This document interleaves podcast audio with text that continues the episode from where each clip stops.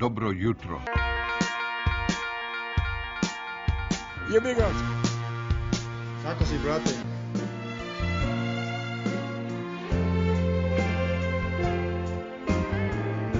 Bilo lepo.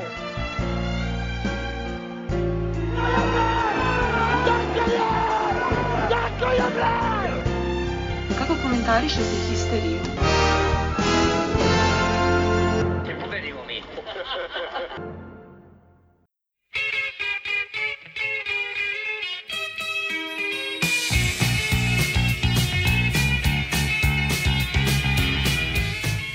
Zdravo živo ljudi, a, Histi a, 3 kroz 24, a, rođendanski Histi a, drugi pokušaj. Pre dve nedelje nas je osujetila ona neverovatna vevica, ali to je tako grobarski. Tako da smo se ovog puta okupili u ovom jednom malom, ali kako da kažem, dragom sastavu. Intimnom, kvalitetnom. Da, kvalitetni sastav. A, nije bilo mnogo događanja od prošle epizode, bila je jedna utakmica koju smo nažalost izgubili u Kubanju, ali a, pošto je i da kažemo rođendanskih isti, a ujedno i kraj godine, počet ćemo sa retrospektivama, prvo malom intimnom histi retrospektivom, a onda retrospektivom futbalske pa košarkaške sezone i onda ćemo se iako smo oslabljeni neigranjem Milenka u ovom, u ovom izdanju, a, posvetiti i toj jednoj utakmici i na kraju verovatno zatvoriti nekim izuzetno kvalitetnim rubrikama. To ide. Ništa, Sad izuzetno kvalitetnim, to je diskutabilno, ali da ćemo zatvoriti rubrikama. a, bilo je kvalitetnih sadržaja, čak je, eto, zablisto je jedan naš član. Da, ima toga, ima i sestra Milana Pavkova. to, je, to, je, to je već bizar. To je nova rubrika. I onaj, She- i onaj šahista ima. She mails. E, da, i šahista je dobro. Aj, šahista. Ne, ja mislim da ovaj u, u, u rubrici otkrovenja ovo je Ajde, ajde, nemojte otkrovenja. spojlujete sad, idemo, Ništa, idemo. povuci komentar da nema kvalitetnog sadržaja, idemo na džingl i Džingao, džingao podalje. Da karamo tegane lodake. Sad pršuta, sir, viski, pivo, sve.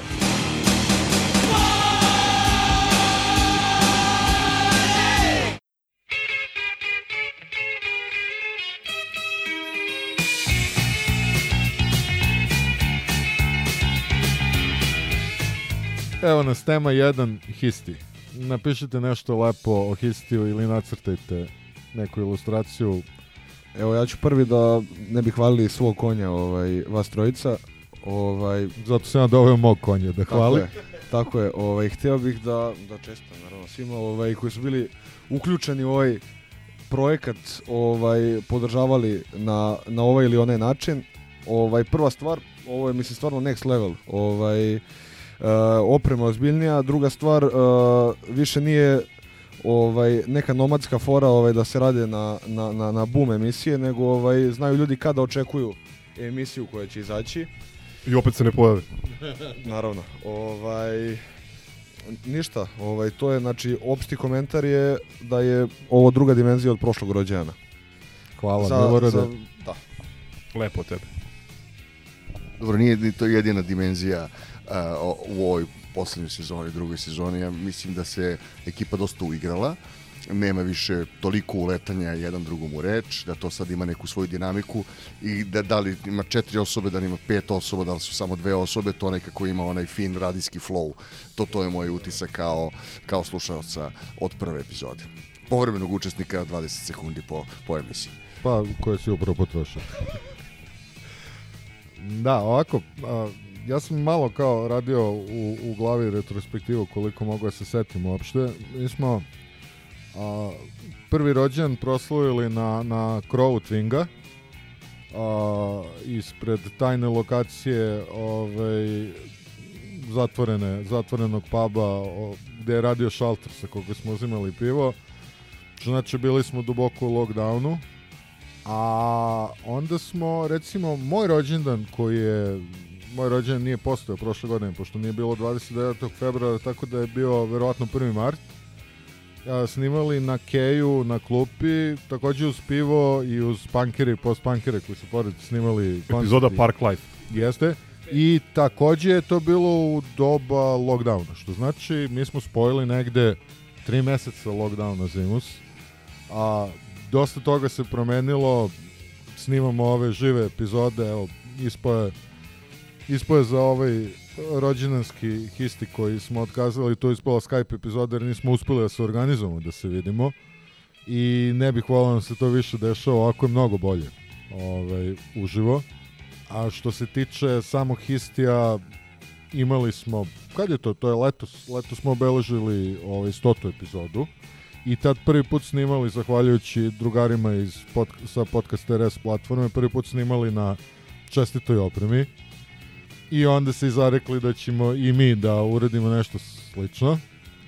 A onda je Duka koji želi ostati anoniman ovaj, nam je kupio snimač i mikrofon. Mi smo ove ostale mikrofone pribavili jer smo umeđu vremena otvorili Patreon gde nam ljudi iz ne znam kojih razloga a verovatno zato što cene ovaj naš rad ovaj, uplaćuju izvestan novac i eto, mi smo sad još nekako u obavezi da, da to što isporučujemo više nije snimljeno na telefonu koji pada sa klupe ovaj, i, i, ili da pokušamo, a to je bila najbolja epizoda kad smo pokušali da pustimo background sound pored mikrofona, to je stvarno najziviji zvuk ikada.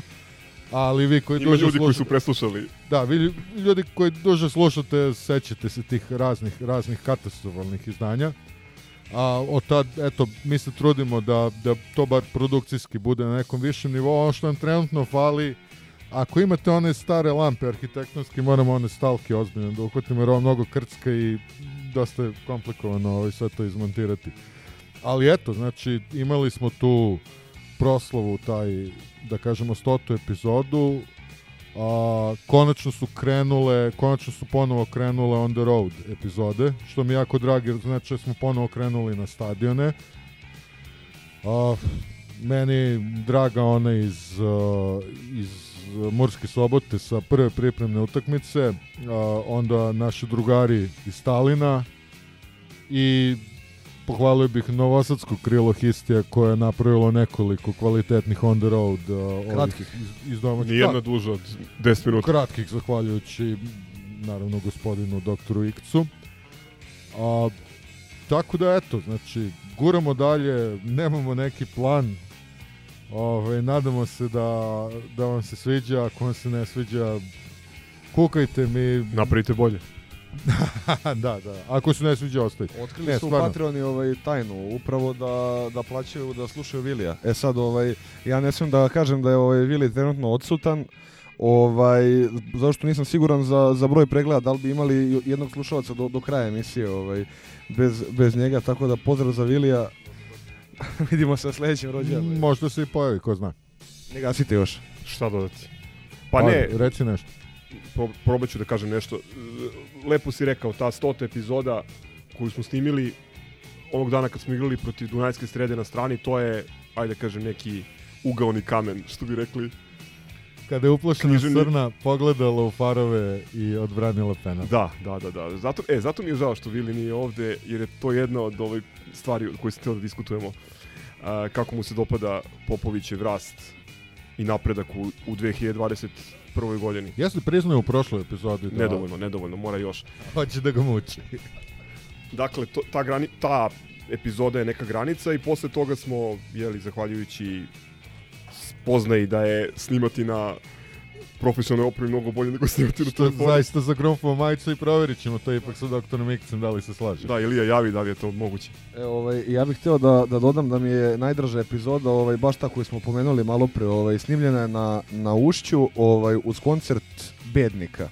Ta, tako se zove punk band koji je imao koncert pre Bilo toga. su tri benda, ali... ne Ovaj, da su- bednici su... Apači, Bednici i treći bend ko, čije sam ime zaboravio, izvinjavam im s ovom prilikom. Inače, koncert je e, ovaj, organizovan uprkos naredbama policije da se da su okupljanja masovna u tom trenutku I ovaj, razjureno. Ne, ovaj, Ma, ne, ne, znači... pohapšeni su svi. uh, na, Što je pomoglo, tri- izvini, što je pomoglo bednicima da taj prvi spot koji su snimili da vid- vidi ne znam koliko recimo četvorocifreni broj ljudi. ovaj, uh, znači uz tri kordona policije koji su okružili bednike ovaj, i ja mislim čak člano možda benda bednici koji ležu na klupi razbijen ovaj pored nas. I, I jednim sasvim drugim bednicima koji su se okupili oko kartona piva i, i iPhona. E sad, ovaj, e, da, dalje zanimljivosti u epizodi, ovaj, telefon je pao par puta, ovaj, uz, uz uskočicu našeg dragog glumca skočio je sam, ovaj, to je bilo Ne, ja mislim da je to. Sarećić rekao. Ovaj, onda je bilo ovaj, uh, tri, tri, četiri penzionera su džogirala u, u, u Gazprom trenerkama. Ovaj, ja mislim da je čak i Neca Tomić je, ovaj, je, je protrčao. Na, znači, totalna bizarija od, od epizode.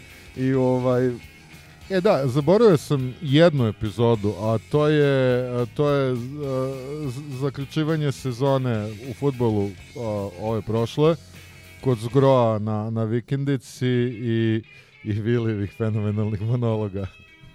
Da, vi ste čuli samo Španija samo bila- highlight, da, Španija koja je bila prvak sveta 2010. godine, ali to je mislim da epizoda gde je najveći, e, najveći broj minuta ostao e, editovan, odnosno, odnosno slušalci su dobili, ja mislim, svega 50% sadržaja koji su snimili. za, za pet godina rada ovaj poklon uh, Patreonima ovaj, cijela emisija Da, da, sa, da. sa gore.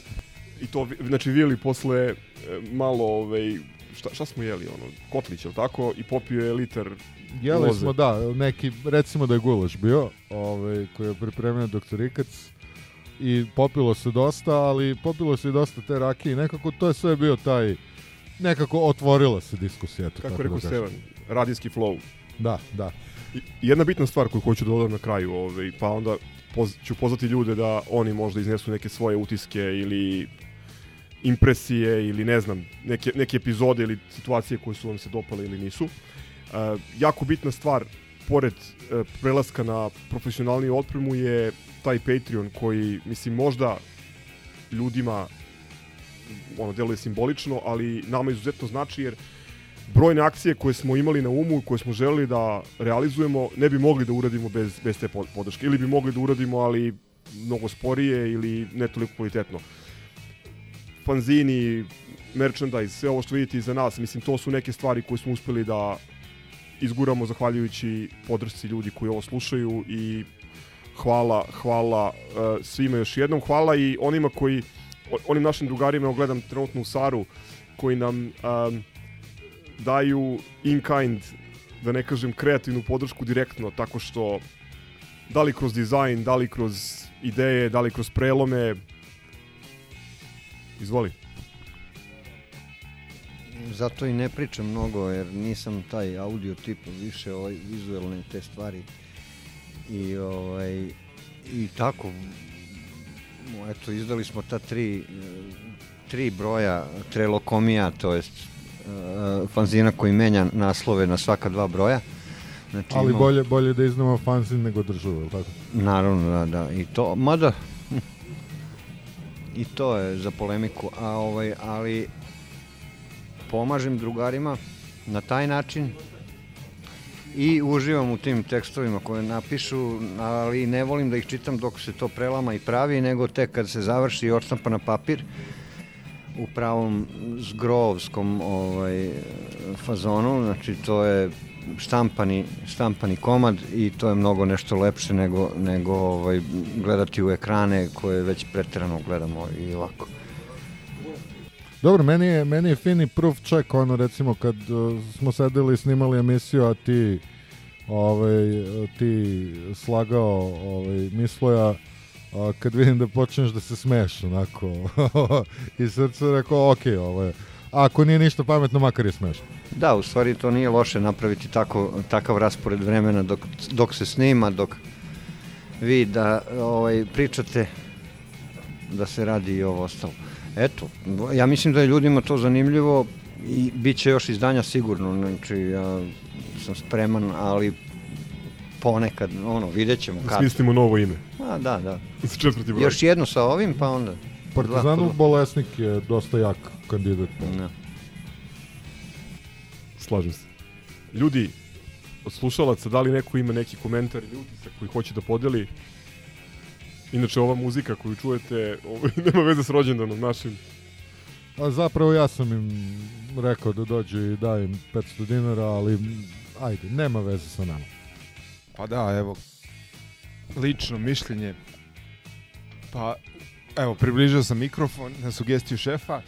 Pa ništa, u svakom slučaju, meni je ovo neki logičan nastavak svih tih naših nekih grobarskih ludorija koje su počele nekada davno, koliko, koliko to patetično zvučalo na istoku. I ovo sam od početka doživljavao kao neku bleju našu na istoku sa gomilom nekog našeg humora, crnog ili belog, kako god hoćete to da shvatite. Uh, ne znam, sve, sve što se dešavalo u zadnje dve godine, lockdown i korona, valjda nam je to pomoglo da prebrodimo sve to uz Partizan koji nam uvek donosi tugu, radost i sve ostalo što ide s tim. Ekipa oko Histija je već ono uglavnom poznata ljudima koji su duboko u Partizanu, je sada su neki tu novi ljudi se još pojavili. I ne znam, najviše volim te neke prepirke na, na relaciji Gaza Vili. To su mi ovako kao najbolji momenti, the best of, bez da kao biram stranu i mišljenje koga To su, podržavam. to su popularne Jerry Springer epizode. Pa da, otprilike iz, izdvojit ću isto playlistu koja mi je onako prilično udobna stvar. Jedan od za- 38 ljudi koji slušaju. Da, da, da, okej. I zahvaljujući i njoj sam otkrio neke stare, nove punk bendove i dobro, još neke druge. Tako, ne znam, šta još da dodamo. A bilo je i kvalitetnog folka, ako ćemo pravo. Da, to ne mogu da zaboravim onu emisiju isto. Ne, sa, samo jedno malo pojašnjenje ko nije prepoznao ovaj, a, a, mislim ko je uopšte bio lud da klikne da vidi, da vidi pesme osim Marca. ovaj, a, a, Histi playlista ima a, nekako a, iz više izvora dolaze pesme. Neki su namenski, znači neke, neke su reakcije na neke momente oko našeg kluba, a neki su iz neke interne zajebancije se pojavile ovaj i naravno postoji deo toga evo šta mi volimo i postoji deo toga što se stvarno trudimo da plasiramo i neke novitete koje pratimo ovaj koje znači ima tu svačega ali rekao bih da ima dosta dosta kvalitetne muzike. Ako volite punk i post-punk Znači, da, nije uopšte ovaj... Dobro, ima tu i nekog ozbiljnog hip-hopa, ima neki drugi se- se, ali ono... Pošto ima i velikih fanova hip-hopa, počevši od Vilija, ali obzirom da se uglavnom mislimo šef i ja oko izbora, svede se na punk i post-punk. Da, držite se tog UK zvuka, recimo. Poenta je u tome da nekim slučajem ili čudom imamo radio na internetu, to bi otprilike bila playlista koja bi išla mimo emisija. I to je jedan od projekata Živi bili pa videli. Ok, Marco, hvala ti puno. Hvala E, vama. Zahvaljujem. Želim vam još uh, pet Još puta ovoliko. toliko. Da poživiš još toliko, da. Eto, dosta od mene. Ko će da preuzme mikrofon? Da li neko hoće da preuzme mikrofon? Ok, time zaključujemo prvi deo, pošto dobrovoljaca nema više, konobara nismo pitali. Ovaj, ništa, Džinglić, pa, pa idemo dalje.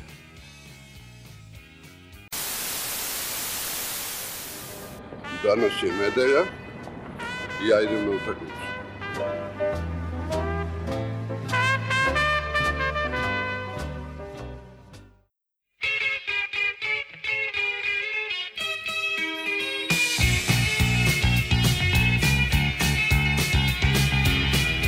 Idemo dalje. Uh, futbolska retrospektiva i to retrospektiva ne polusezona nego godine, pa ko se seti, seti se.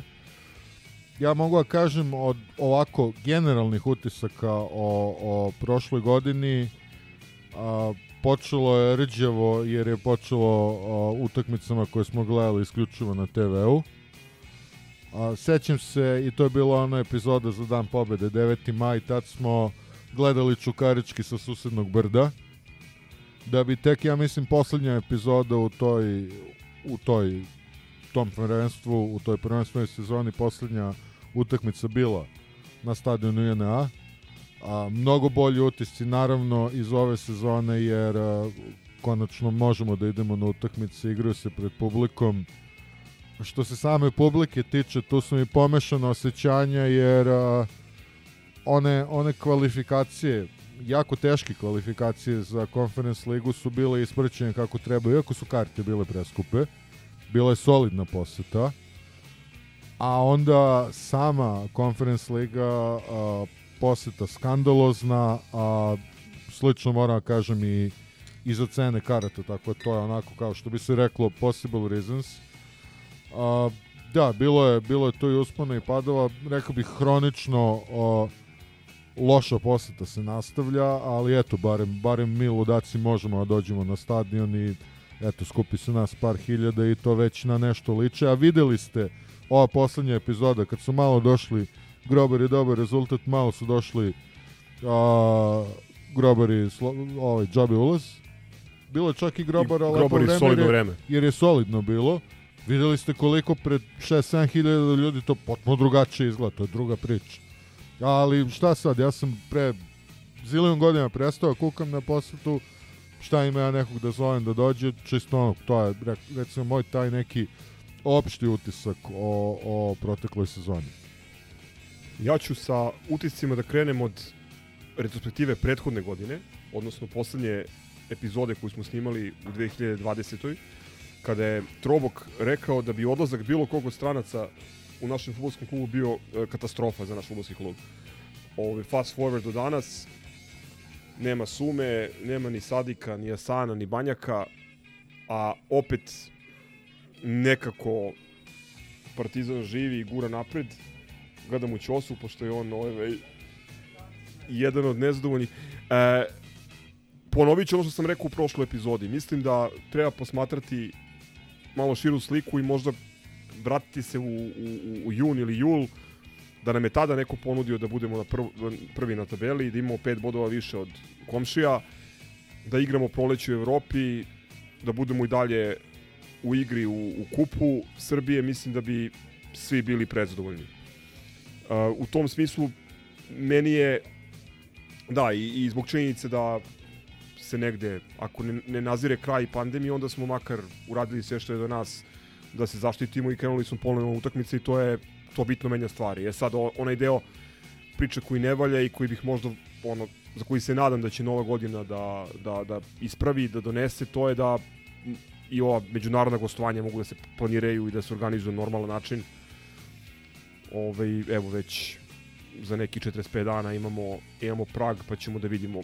Trenutno deluje da će taj izlet jako teško da se desi, ali mi smo već rezervisali smeštaj. Bukerali smo pa šta bude. Da. E, to su neki, neki opšti utisci. Mislim da je 2021. bolja, značajno rezultatski nego, nego 2020. i nadam se da će sledeće biti još bolje. A dobro, sad rezultatski teško može da bude gora jer nismo osvojili ništa uh, u onoj kalendarskoj godini. Krenuo sam od Trobokove apokalipto Da, ocene. da. Znači, To da. posebno to imajući u vidu, evo, na uskrs smo ostali bez Asana, A, reklo bi se pred Božić smo ostali i bez natka, ali nadamo se da, da se vraća. Pa to je što smo pominjali u prošloj epizodi, e, kako to da se ne osjećamo ni u kom smislu euforično, a ti rezultati o kojima govoriš postoje.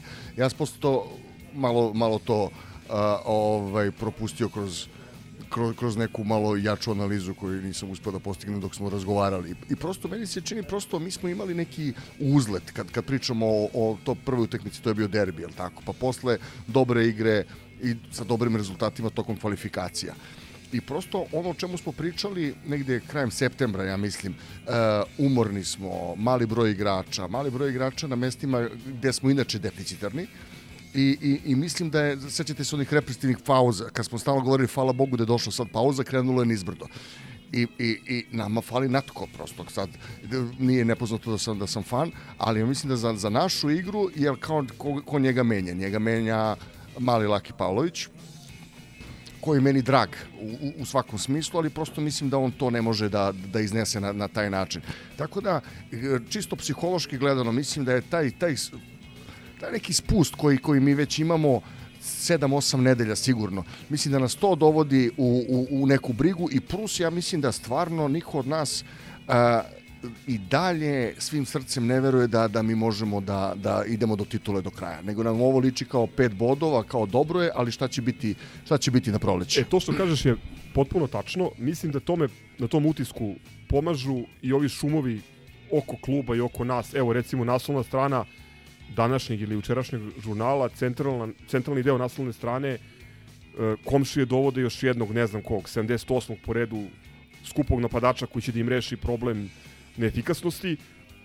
Odmah pored Šćekić ima dozvolu da ide. Znači na svaku njihovu vest, na svaku najavu nove velike kupovine, dolaska novog igrača koji će da promeni tok sezone, mi gubimo jednog nosioca. Ja, ovaj, znaš, ja, ja lično se od toga branim prosto previše i godine, imam i pre, predugo pratim ovaj klub, branim se time što ne pratim tokom prelaznog roka uopšte medije. Kad pričam s ljudima i čujem ovaj, iz prve ruke, aj to primim kao informaciju, ali dok se ne desi, ne desi se.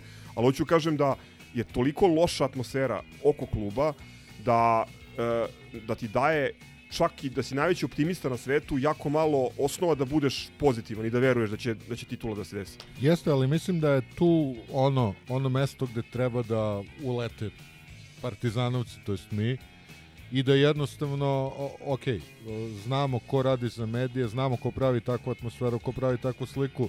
Možda ja nisam najbolja osoba da, da pozivam na to, jer ja već dve godine pričam a, da dok je ovakva situacija u državi nećemo uzeti titulu, ali moram da kažem da u ovom momentu mi imamo šansu za to i da sad treba stvarno jako da nagazimo. A ne da a, ostavljamo cinične komentare po društvenim mrežama, prepucavamo se između sekcija i ostalih gluposti. E, Slažem se s tim što moja, moja zemlja, a mislim i kolektivna zemlja nekako ko, koju svi negde osjećamo, nije samo da li će doći 79 i 80 i preskupi igrač koga ovi mogu da dovedu, nego kako ćemo mi suđenje imati u nastavku sezone. Zato što da, da, da budemo potpuno pošteni, ovo suđenje koje Partizan ima, to je blizu regularnog koliko moja Jeste, pravila ali- poznavanja futbolske igre u odnosu na ono uh, što smo imali pre dve sezone, pre tri, znaš, Naravno. kad dođe bilo ko pa te prebi u Beogradu, ne Naravno, znaš gde se ali, ali evo, već smo videli da VAR i ne mora da, da, da pokaže pravu vrednost, to traje već, ja mislim, duže od mesec dana. Ovaj, tako da a, komšije već imaju vetar u leđa, nas do duše još ne sapliću. Tako da, eto, kao, vidjet ćemo. Sintagma Zvezdino proleće postoji sa razlogom. Pa počela, počelo je, boga mi, ovaj, ono, na, na, na o, Miholjsko, da ne kažem Homoljsko Dobro, leto. on- oni sad imaju Zvezdinu godinu, odnosno Zvezdine godine, poslednjih 9 ili 10 godina, ali, kažem, proleće dolazi. E, Sve ove stvari su povezane. S jedne strane, znači, jedan od bitnih razloga zašto mi uopšte radimo ovaj podcast je da pokušamo na neki način da e, motivišemo ljude da da ne dignu ruke potpuno od kluba, da pozitivno posmatraju stvari u sportu koliko je to moguće i da pruže podršku ekipi, ekipama, govorimo o Partizanu u svim sportovima.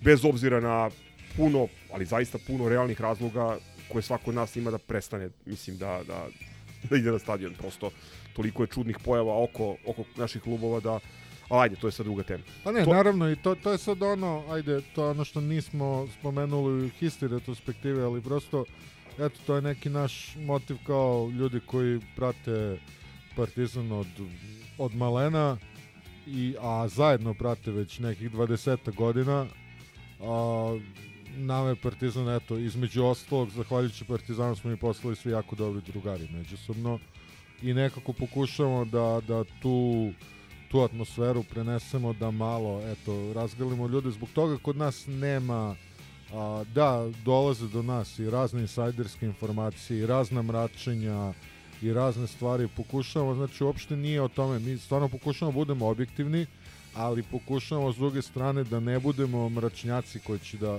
ponese ponese struja i da padnemo u neki cinizam jer a, ja ponovo pozivam ljude ko nije slušao, a i ko je slušao, to može stvarno da se sluša na auto repeat, a, onaj mega projekat a, Historicalu, Hysterikalu, preslušajte to, to nam se stalno dešava, mi smo takav klub, znači jednostavno i, i kilovih uprava i, i suludih odluka i to je jednostavno to, to, to je partizan i to je kad, kad ljudi kažu kako je moguće da je zgro toliko uvek optimista i toliko ovaj ono izlazimo Zato sa što ne pije. Da, da. Pa dobro, ne, a, razlog što on ne pije što mu ne treba.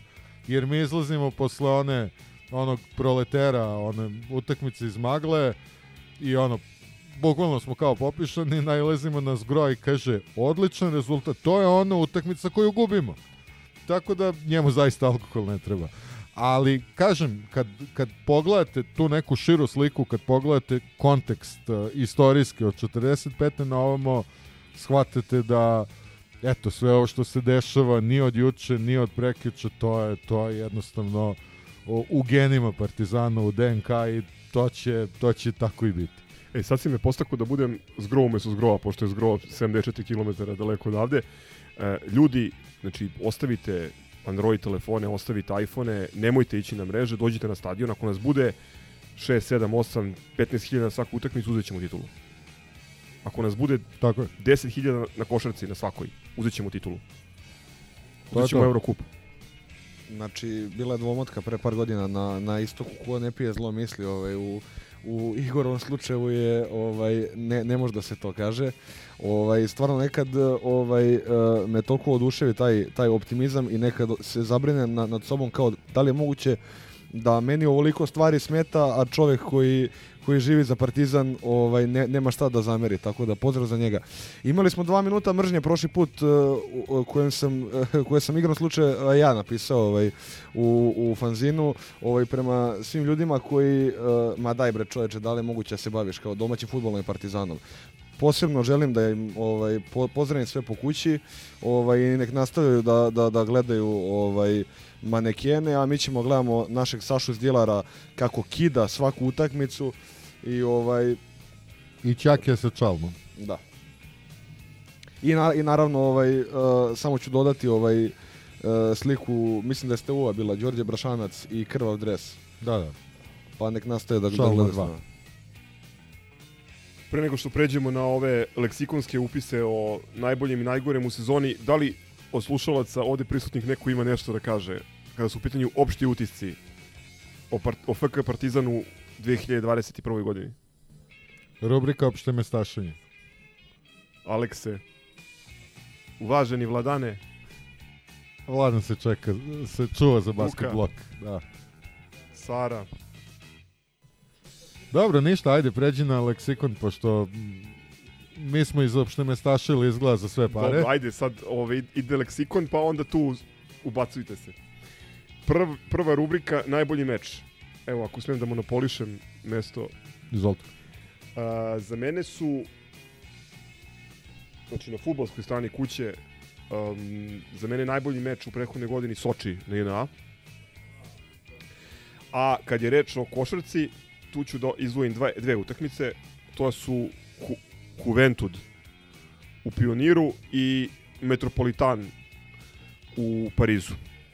E, to, to je, ovaj, za sada neću da, da komentarišem, ako ljudi nešto imaju da dodaju, izvolite. Pa, kao osoba koja posjeduje Alzheimera, baš ono, ne bih, ne bih mogao da, da izvedim to.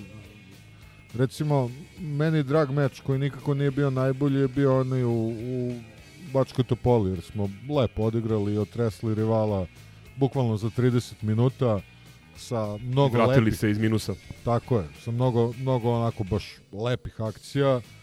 Bio je lep dan, bio, bilo je lepo gostovanje i to je nekako onako intimno, intimno mi je najdrža utakmica u polusezoni. A što se tiče basketa, a, složio bih se za taj Metropolitan, ali kad bi mi odsekli uši. Jer ovaj, a, utakmica je bila odlična. Karaoke. Utakmica je bila odlična, bukvalno a, broj grobara u hali je bio fascinantan.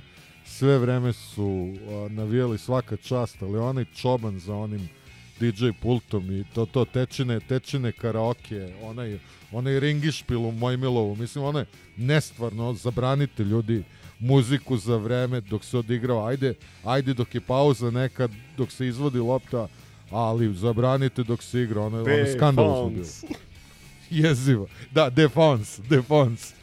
Meni, meni lično na, najdraža ovaj utakmica, čak možda e, prvo kolo u, u futbalu ovaj, protiv proletera i, on, i onih 5-0 na poluvremenu, ovaj, to je stvarno ono kao ljudi da li je moguće da smo ovaj, ovako dobri, ovaj, pošto da, da, prva utakmica je bila, onda TSC što je on rekao, ovaj, a u košarci po, ponavljam, da li je moguće da smo ovako dobri protiv Hamburg Towersa.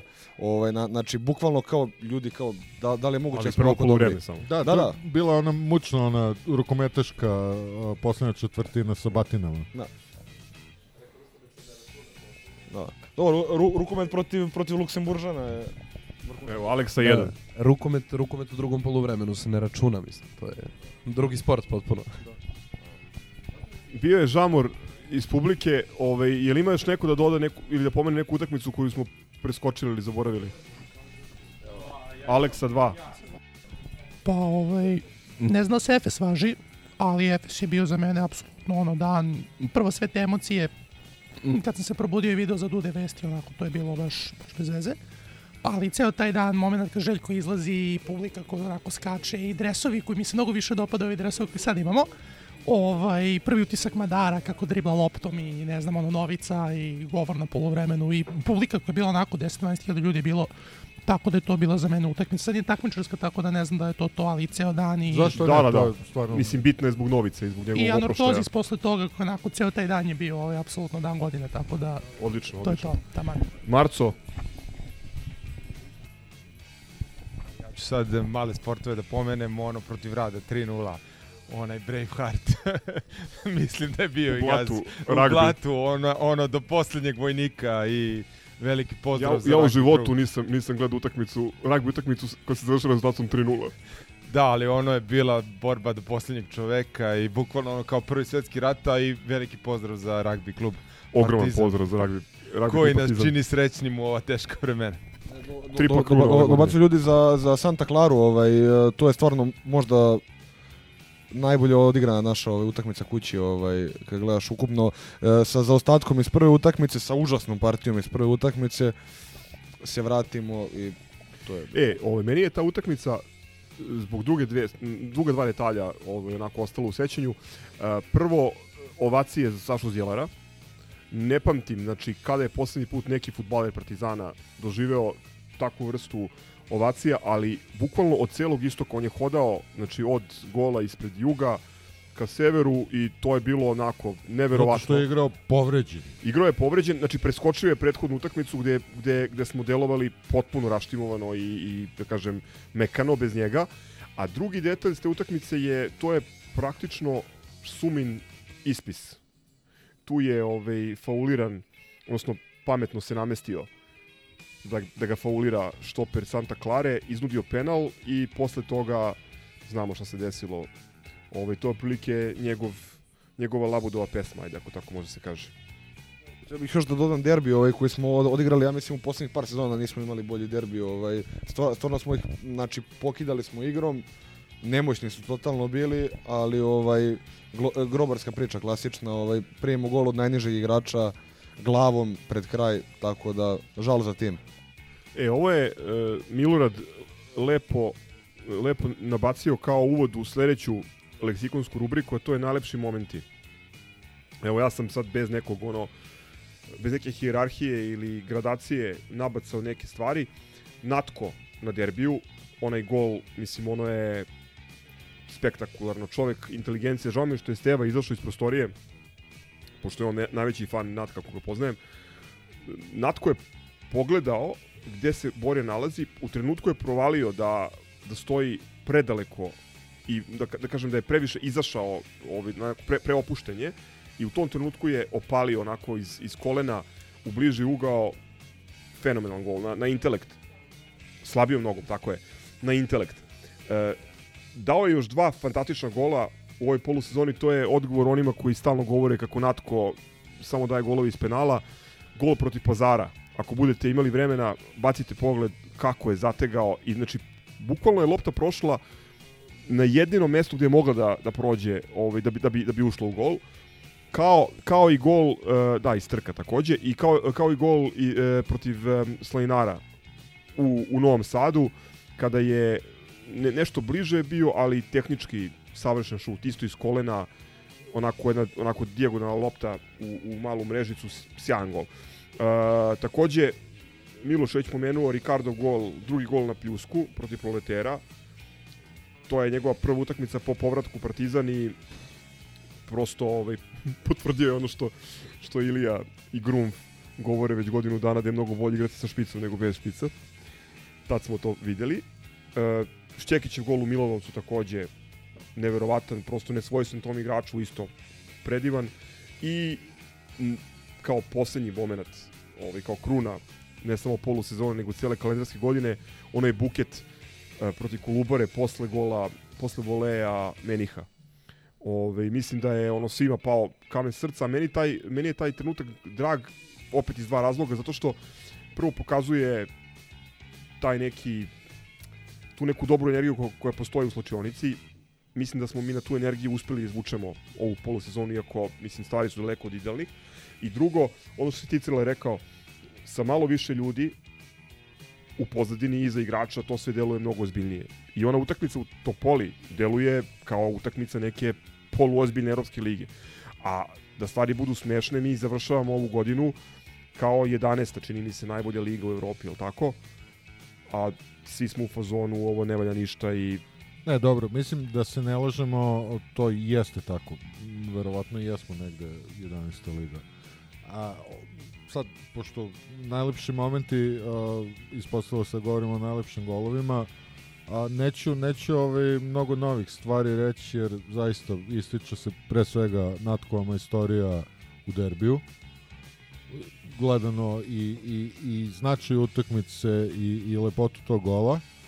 Od mnogobranih Rikardovih uh, bih izdvojio uh, onaj koji si rekao, drugi gol u prvom kolu, stvarno majstorija, a o njemu smo zapravo već pričali na, na onoj proslavi stote epizode. Uh, od bitnih golova moram mi stalno kritikujemo Jojića i ako ima neko ko uh, se ne slaže sa nama, volio bih da, da se uključi u diskusiju. Ovaj, stalno kritikujemo Jojića, ali ruku na srce gol u Kragujevcu za 1-1. Tako je. I a, gol, a, najlepši gol glavom, Vujočićev gol protiv Vojvodine na dosta netipičnu asistenciju, to je bilo ubacivanje, ali ne sa strane, nego onako iz, iz dubine ovaj, iz prekida Jojića, znači i asistenciju ima među najlepšim momentima. A sad, Šćekićev gol, ne sjećam se koja je bila utakmica, jedna od onih tipičnih utrčavanja glavom, koji mi je čak jači od ovog a, ovog u Milanovcu, i, ali po meni gol sezone je onaj Uroševićev gol a, u, protiv ovog Genta. Da, evo Aleksa jedan Stvarno, diže da, tamo. da, da, ovaj, nestvaran gol. Tako da, eto, bilo je, bilo je baš lepih momenata, bilo je dosta golova, ja ne znam, sad, bile su sad ta poređenja kad se marketing FK ili neki portal ko već izleteo sa pričom o najuspešnoj polusezoni, a nekako to sad sve navuklo hejt, ali dobro polusezona i ne znam kad smo imali toliko golova, to bi zapravo zadatak za zgroja, da vidimo da li smo nekad dali više golova Iz glave dali smo približno, e, približno sličan broj golova e, u Savinoj predposlednje polusezone. Dok je Tošić bio tu. Da, dobro. Mislim, to bi trebalo porediti, ali kažem generalno, što se toga tiče, a, baš dosta lepih golova, dosta onih utakmica koje su bile ono bez briga, zgro recept daš im dva ili tri gola u prvom poluvremenu i Samo još jedna stvar, jako važna. Jedina dva igrača, da kažem, etablirana protivnica koji se nisu upisali u strelce su Miljković i Zeler. Što opet govori o tome koliko raznovrsno smo igrali. I što abolira Miljka jer i jedan Saša Zdjelar nije dao gol. Evo Ćosa dobacuje iz drugog plana meni, Meningovi, odnosno Menihovi golovi. E, tako je, Menihovi Hoćeš da dođeš golovi. da objasniš? Moraš da priđeš. Menih je imao recimo baš u Milanovcu. Jedan od tih golova Dao je sa prvi strane gol, u Rašće. dao je, dao je prvi gol u Milanovcu, dao je prvi gol u, e, na krovu, dao je protiv Slavinara drugi gol u trku. Da, dao je, zapravo njegov prvi gol i prvi nastup su bili na Kipru, protiv Anortozica kad je natrčao. Ne, ja, ja bih pričao o momentima, ne o golovima. Ovaj, moment, realno, na, najlepši je bio poluvreme protiv Efesa i dobro pamtim sve sa, sa ugašanjem svetlima. Ovaj, a isto drugi na, najlepši moment, ovaj, pun pionir ono protiv Juventuda i, i, i, i ala Stage diving. Da. Ovaj, Kevina Pantera, tako da To je po meni. Pa pazi, kad, kad pričamo, kako, ja ne mogu se ti koja utakmica je bila kad je meni uleteo ono sa, sa desne strane na, na nizu par igrača i, i kontra nogom. Da, da, da, to, to je, ali, ali opet što se tiče tog nekog vizualnog utiska, jeste svakako u Roševićev gol u, u Belgiji. To, to onako, ja mislim da se niko nije nadao da, da će se to tako završiti, da će lopta imati taj, taj let i da će to, to je onako, je- jednom od, od hiljada puta verovatno. Isto da napomenemo moment uh, kako je po, uh, koliko je ljudi došlo na rukometnu utakmicu Partizana u Luksemburgu. To, to je isto ovaj, jako lepo kad pričamo o manjim sportovima. Stvarno mislim da je nikad isprećenio ove sezone rukomet i to je za, za pohvalu, tako da... Pa ne, ne bih složio da je nikad e, isprećeniji, ali da, podsjeća, ako ništa Evropa, podsjeća na slavne dane 90. godina i evo ja još jednom koristim priliku ili zlupotrebljavam situaciju da pozovem ljude da idu na rukomet. Doći ćemo i da kupuju dresove, kao što možete vidjeti, vrlo su vrlo su lepi. E, samo u rukometu jednu stvar da kažem, izvučeni su parovi za play-off, počinje drugi deo sezone 12. i 13. februara, prva utakmica u Novom Sadu protiv Slaninara, koji su sedmostruki u zastupni prvaci države. Igraće se 14 kola, tako da ove ljudi pratite, podržavajte. Mislim, prosto ne znam na koji način da vam objasnim koliko, koliko se ti ljudi trude oko Partizana i koliko im to znači. To, to morate da vidite. Sve što bih rekao bi zvučalo deplasirano ili kao, prošlo bi kao razvodnjavanje. Izvini, Stevo. Ovo što je Miloš rekao, kao, ko- koji su momenti bili najznačajniji, meni se čini da to da su to oni trenuci kad, kad se postignu golovi u ne baš najvažnijim utakmicama na, na svetu, ali one zajedničke proslave golova. To smo imali nekoliko puta prilike da vidimo kad, kad se Natko zaleće ka klupi i to je bilo makar... Novi Pazar.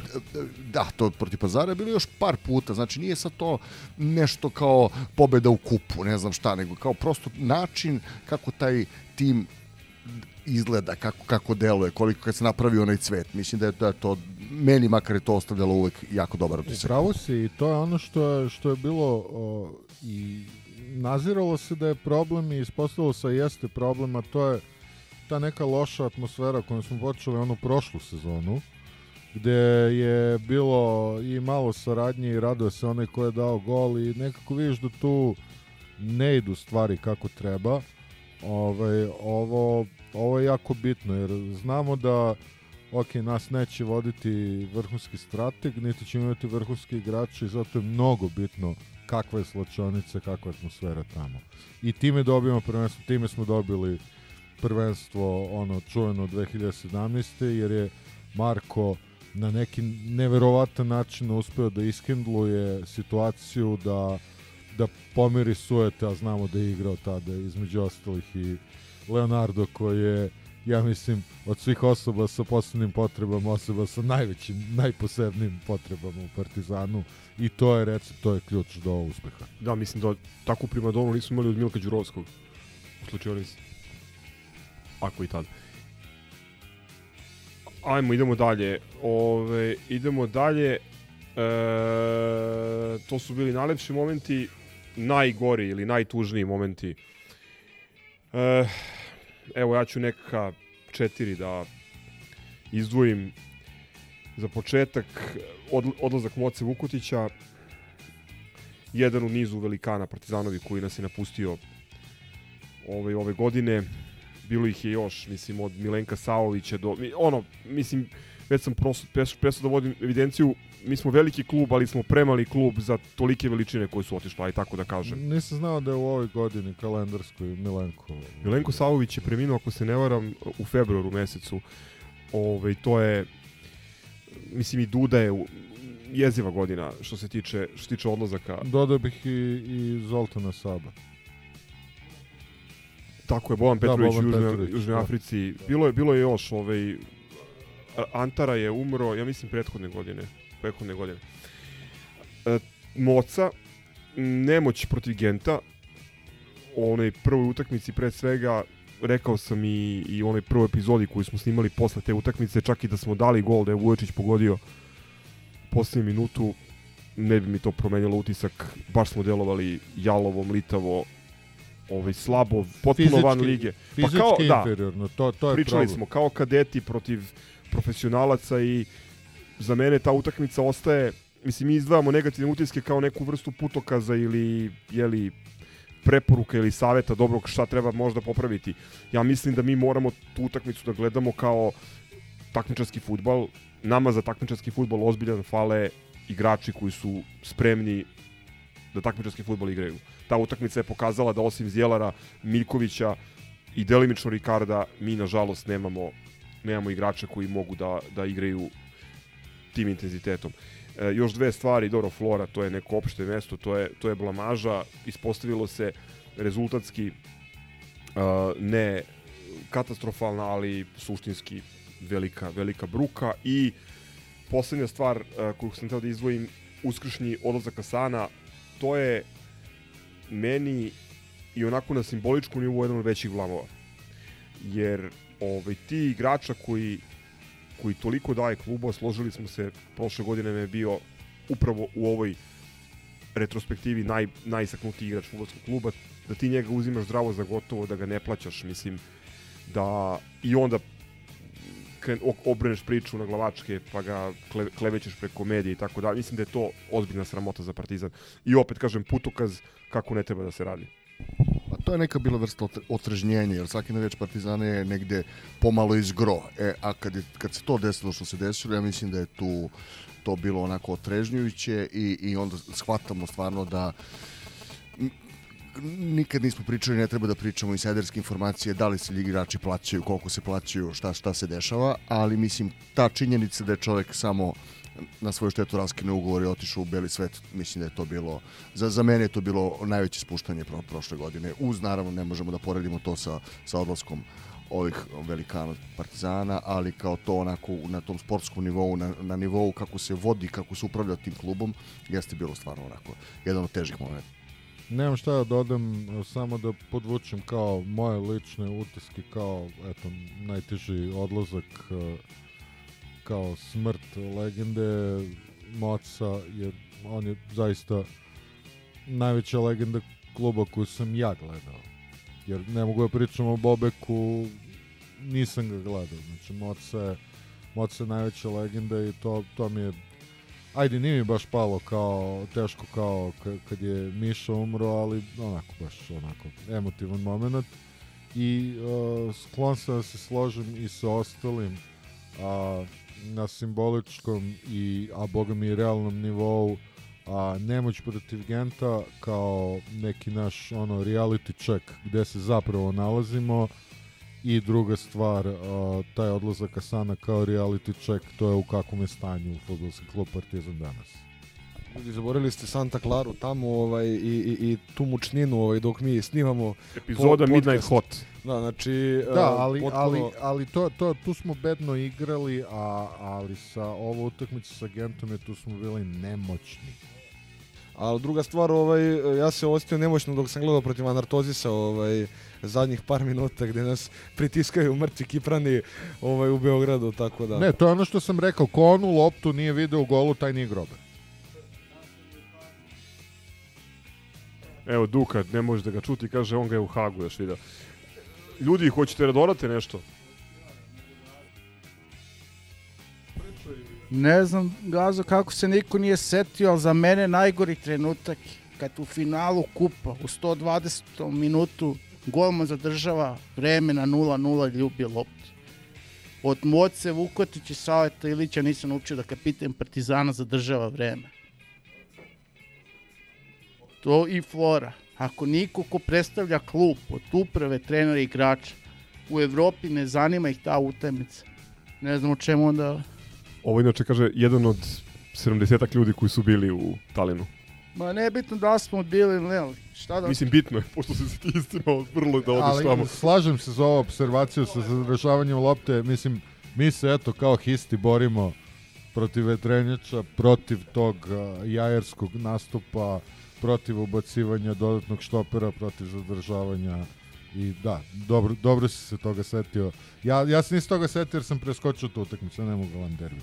I na sve to ti dođu oni penali da te onaj cigan isprovocira i šta ne. Aleksa 2. Pa ja se ne znam da li se važi ovo, ali e, dva nefutbolska i nesportska momenta za mene. Koje su ono totalni sunovrat kluba. Prvo je nemogućnost plaćanja e, lečenja za Radovana Radokovića. To mi je onako baš jako, jako teška stvar. Ja razumem i finansijska nemogućnost i sve ostalo, ali da se do te mere stvari tako odvijaju je baš onako poražavajuće. I druga stvar, ovaj, ako smem, uletanje tribine protiv Dunajske strede na istok, onako baš jedan mučan moment kad je za mene južna tribina kao takva ugašena do neki bolji dana. Tako da, jeste malo downer, izvinjam se na tome, ali baš onako dva momenta koja... Za ove futbolske momente manje više sve rečeno, ovaj, teško je nešto izvojiti, ovaj, što je bilo baš onako problematično. Osim toga, mislim, proletar je bio dosta bez veze u magli, ali onako, pošto smo na plus 5, Dešava onda nije, to se dešava, tako da... Imali nešto što smo propustili, a što bi dodali ostali slušalci? Aleksa 1, izvoli.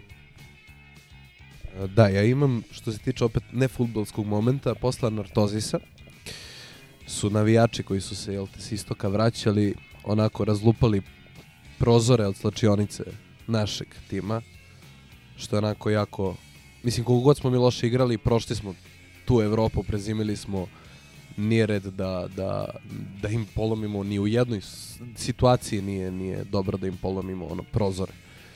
Tako da to mi je ono baš ostavilo loš utisak, aj tako da kažem. O tome smo pričali i jedino, o, to nikako nije opravdanje, a, svakako osuđujemo Degena koji je to uradio, nego jedino objašnjenje je, a ma koliko to bila Cipiripi Conference Liga i ma koliko bila slaba poseta, ipak a, na te utakmice privlače one, da kažeš, euro navijača, a to su to su oni likovi koji nam svima idu na kurac na utakmici. Tako da jedan od tih likova je to uradio.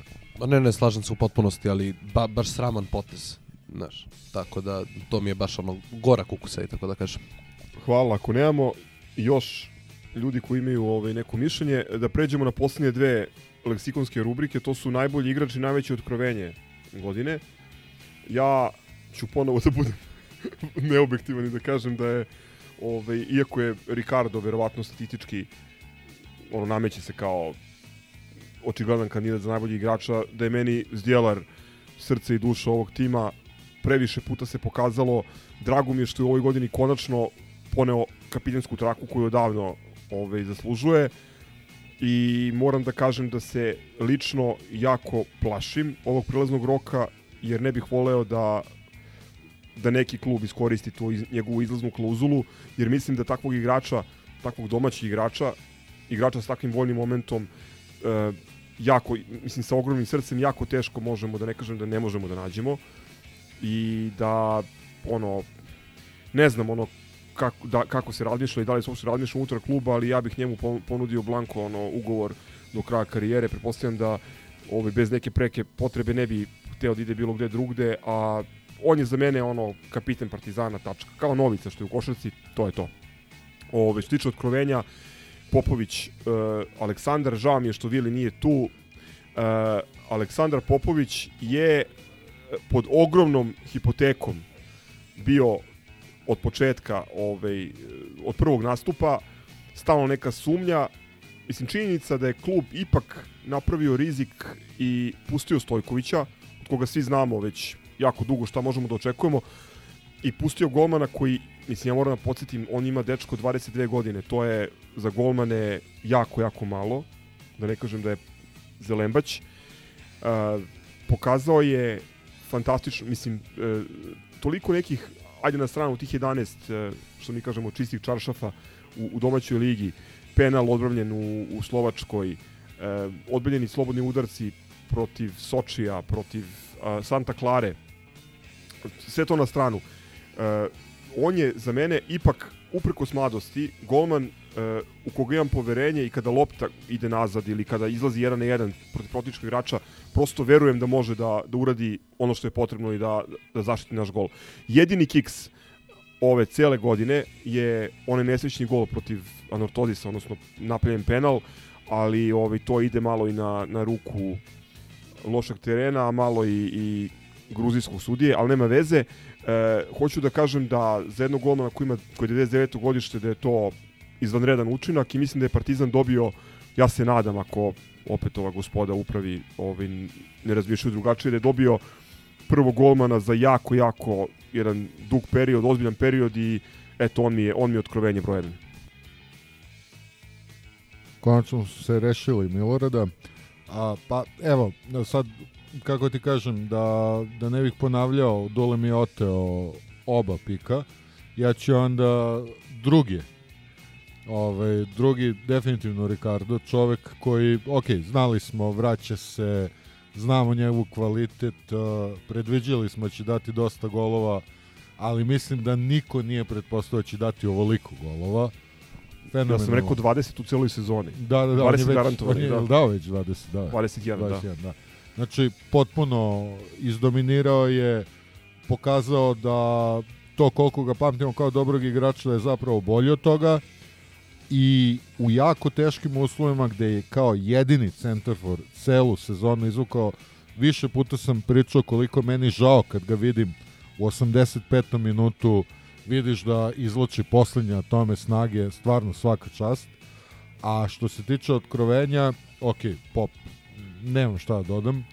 Ovaj, meni je otkrovenje ovaj, a, delikvent Terzić, Znači opet igrač koji je eto, nekako tiho došao i pisali smo o tome u ovom trećem misluju. Čovjek koji je došao tiho, nismo imali velika očekivanja. Drčan je, dobar je, a, ima veliko srce, svaki put se povredi i nastavlja. Mislim, sjajan, sjajan momak. Svaki put druga povreda. I rekao bih za Zdjelara, onaj, onaj lični utisak i zašto je to kapitan, kad smo, pošto smo mi iskoristili priliku da odemo na onu prvu pripremnu u Morsku sobotu, a posle toga iskoristili priliku da, da uradimo i pitch invading i popričamo i slikamo se sa, sa našim igračima i sa trenerom. Ovaj, a, Saša Zdjeler je rekao hvala vam što ste došli. Stano je rekao vi niste normalni. Da, to je tačno. Uh, pa ja sam hteo da kažem za, za delikventa, sad, tako da ste mi ukrali sad za od, otkrovenje, otkrovenje sezone. Moraš to reći. Uh, pa sad, znaš šta, mi smo se, mi smo se kladili dosta na Jovića, ako se setimo onih utakmica i nisam ja ništa, ne bih ništa povukao što sam rekao ovaj, posle njegove prve utakmice, ali mislim da, da, da ta kriza njegova u kojoj je on već sad već podugo, Uh, nadam se da će to da prođe, nadam se da će biti on kako je kako izgledao na samom početku. A Terzić jeste sjajan, ja, ja sam veliki fan, fan Terzića i u Popovića nisam sumnjao, sumnjao od početka, bukvalno. Znači, to, to jeste mlad i to su mlade golmanske godine, ali on meni ulivo poverenje od, od, od samog starta zbilja. E, najbolji igrač, ispucali ste tu kan, Sašu Zdjelara, koga smo, da, da podsjetim, samo sreli u Bačkoj Palanci sa, sa Mesijem u onim belim soknama i u Adidas papučama. to je sezona pretprošla, da, da, da. Da, da. Tako da, uz, uz nabrojane, ja bih ipak dodao tu i, i, i, i Natha i neke on ima uh, snage za 60 minuta, ali Partizan tih 60 minuta i onih ostalih 30 nije baš isti, nije istak. Mora da dodam i kao prijatno iznenađenje upreko svemu. A, prvo je a, Lazar Marković, a, ova polusezona nikad nije odigrao takvu polusezonu. Ruku na srce.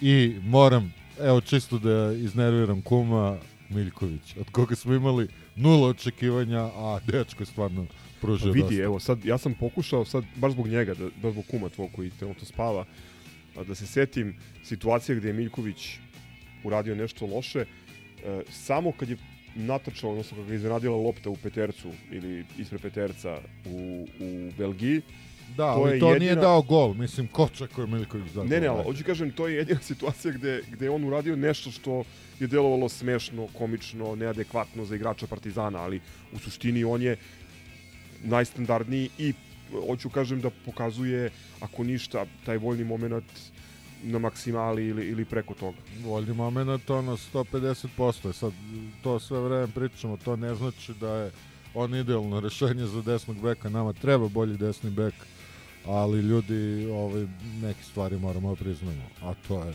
svaka ti čast momče.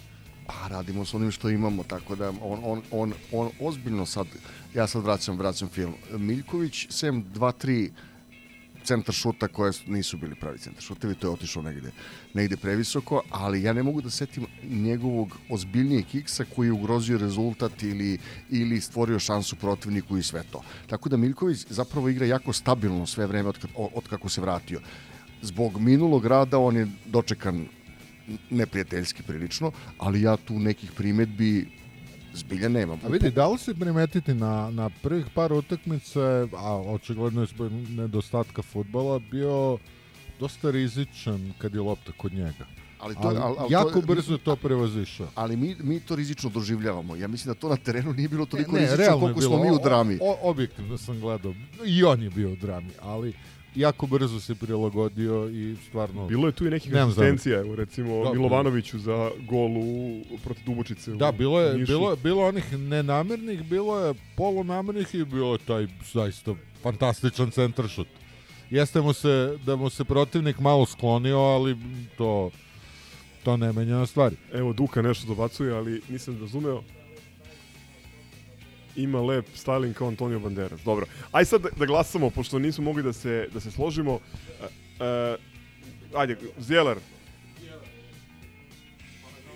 Ricardo.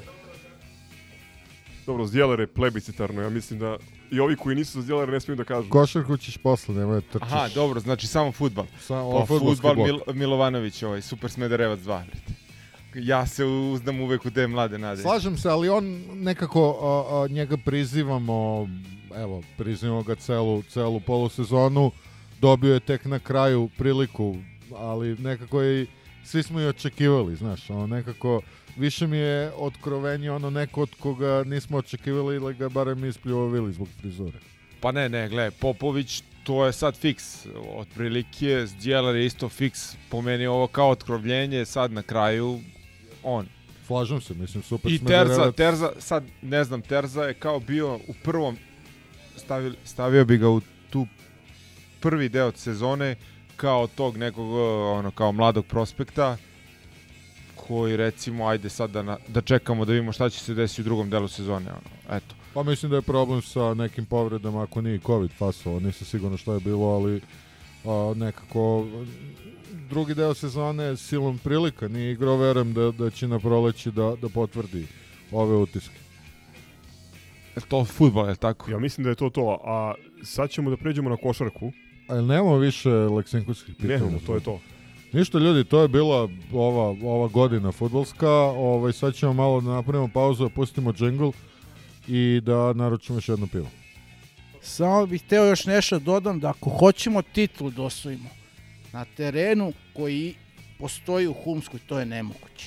Ko je zadužen za teren? Znači, Nemoj, sredi, nemoj da me vučeš za jezik, opet ću početi da pričam o vodokotliću koji... sredite ko- koji teren curi. i 20% će bolji da bude svaki igrač. Da, tre, da Prosto. srede teren treba, ne znam, 200.000 evra, da se zamene ovaj plovak treba 50 dinara. Nisu u stanju ovo drugo da urade, tako da što se tiče terena, bojim se da ćemo igrati na oranici. Onda je sve jasno. Jeste. Ništa, pauza, džingl pa košarka.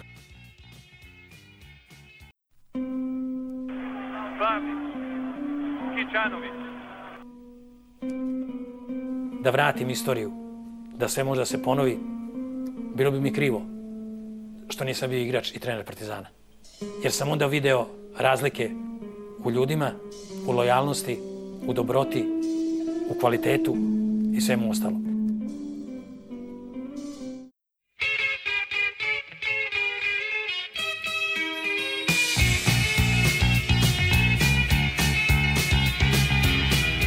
Idemo dalje.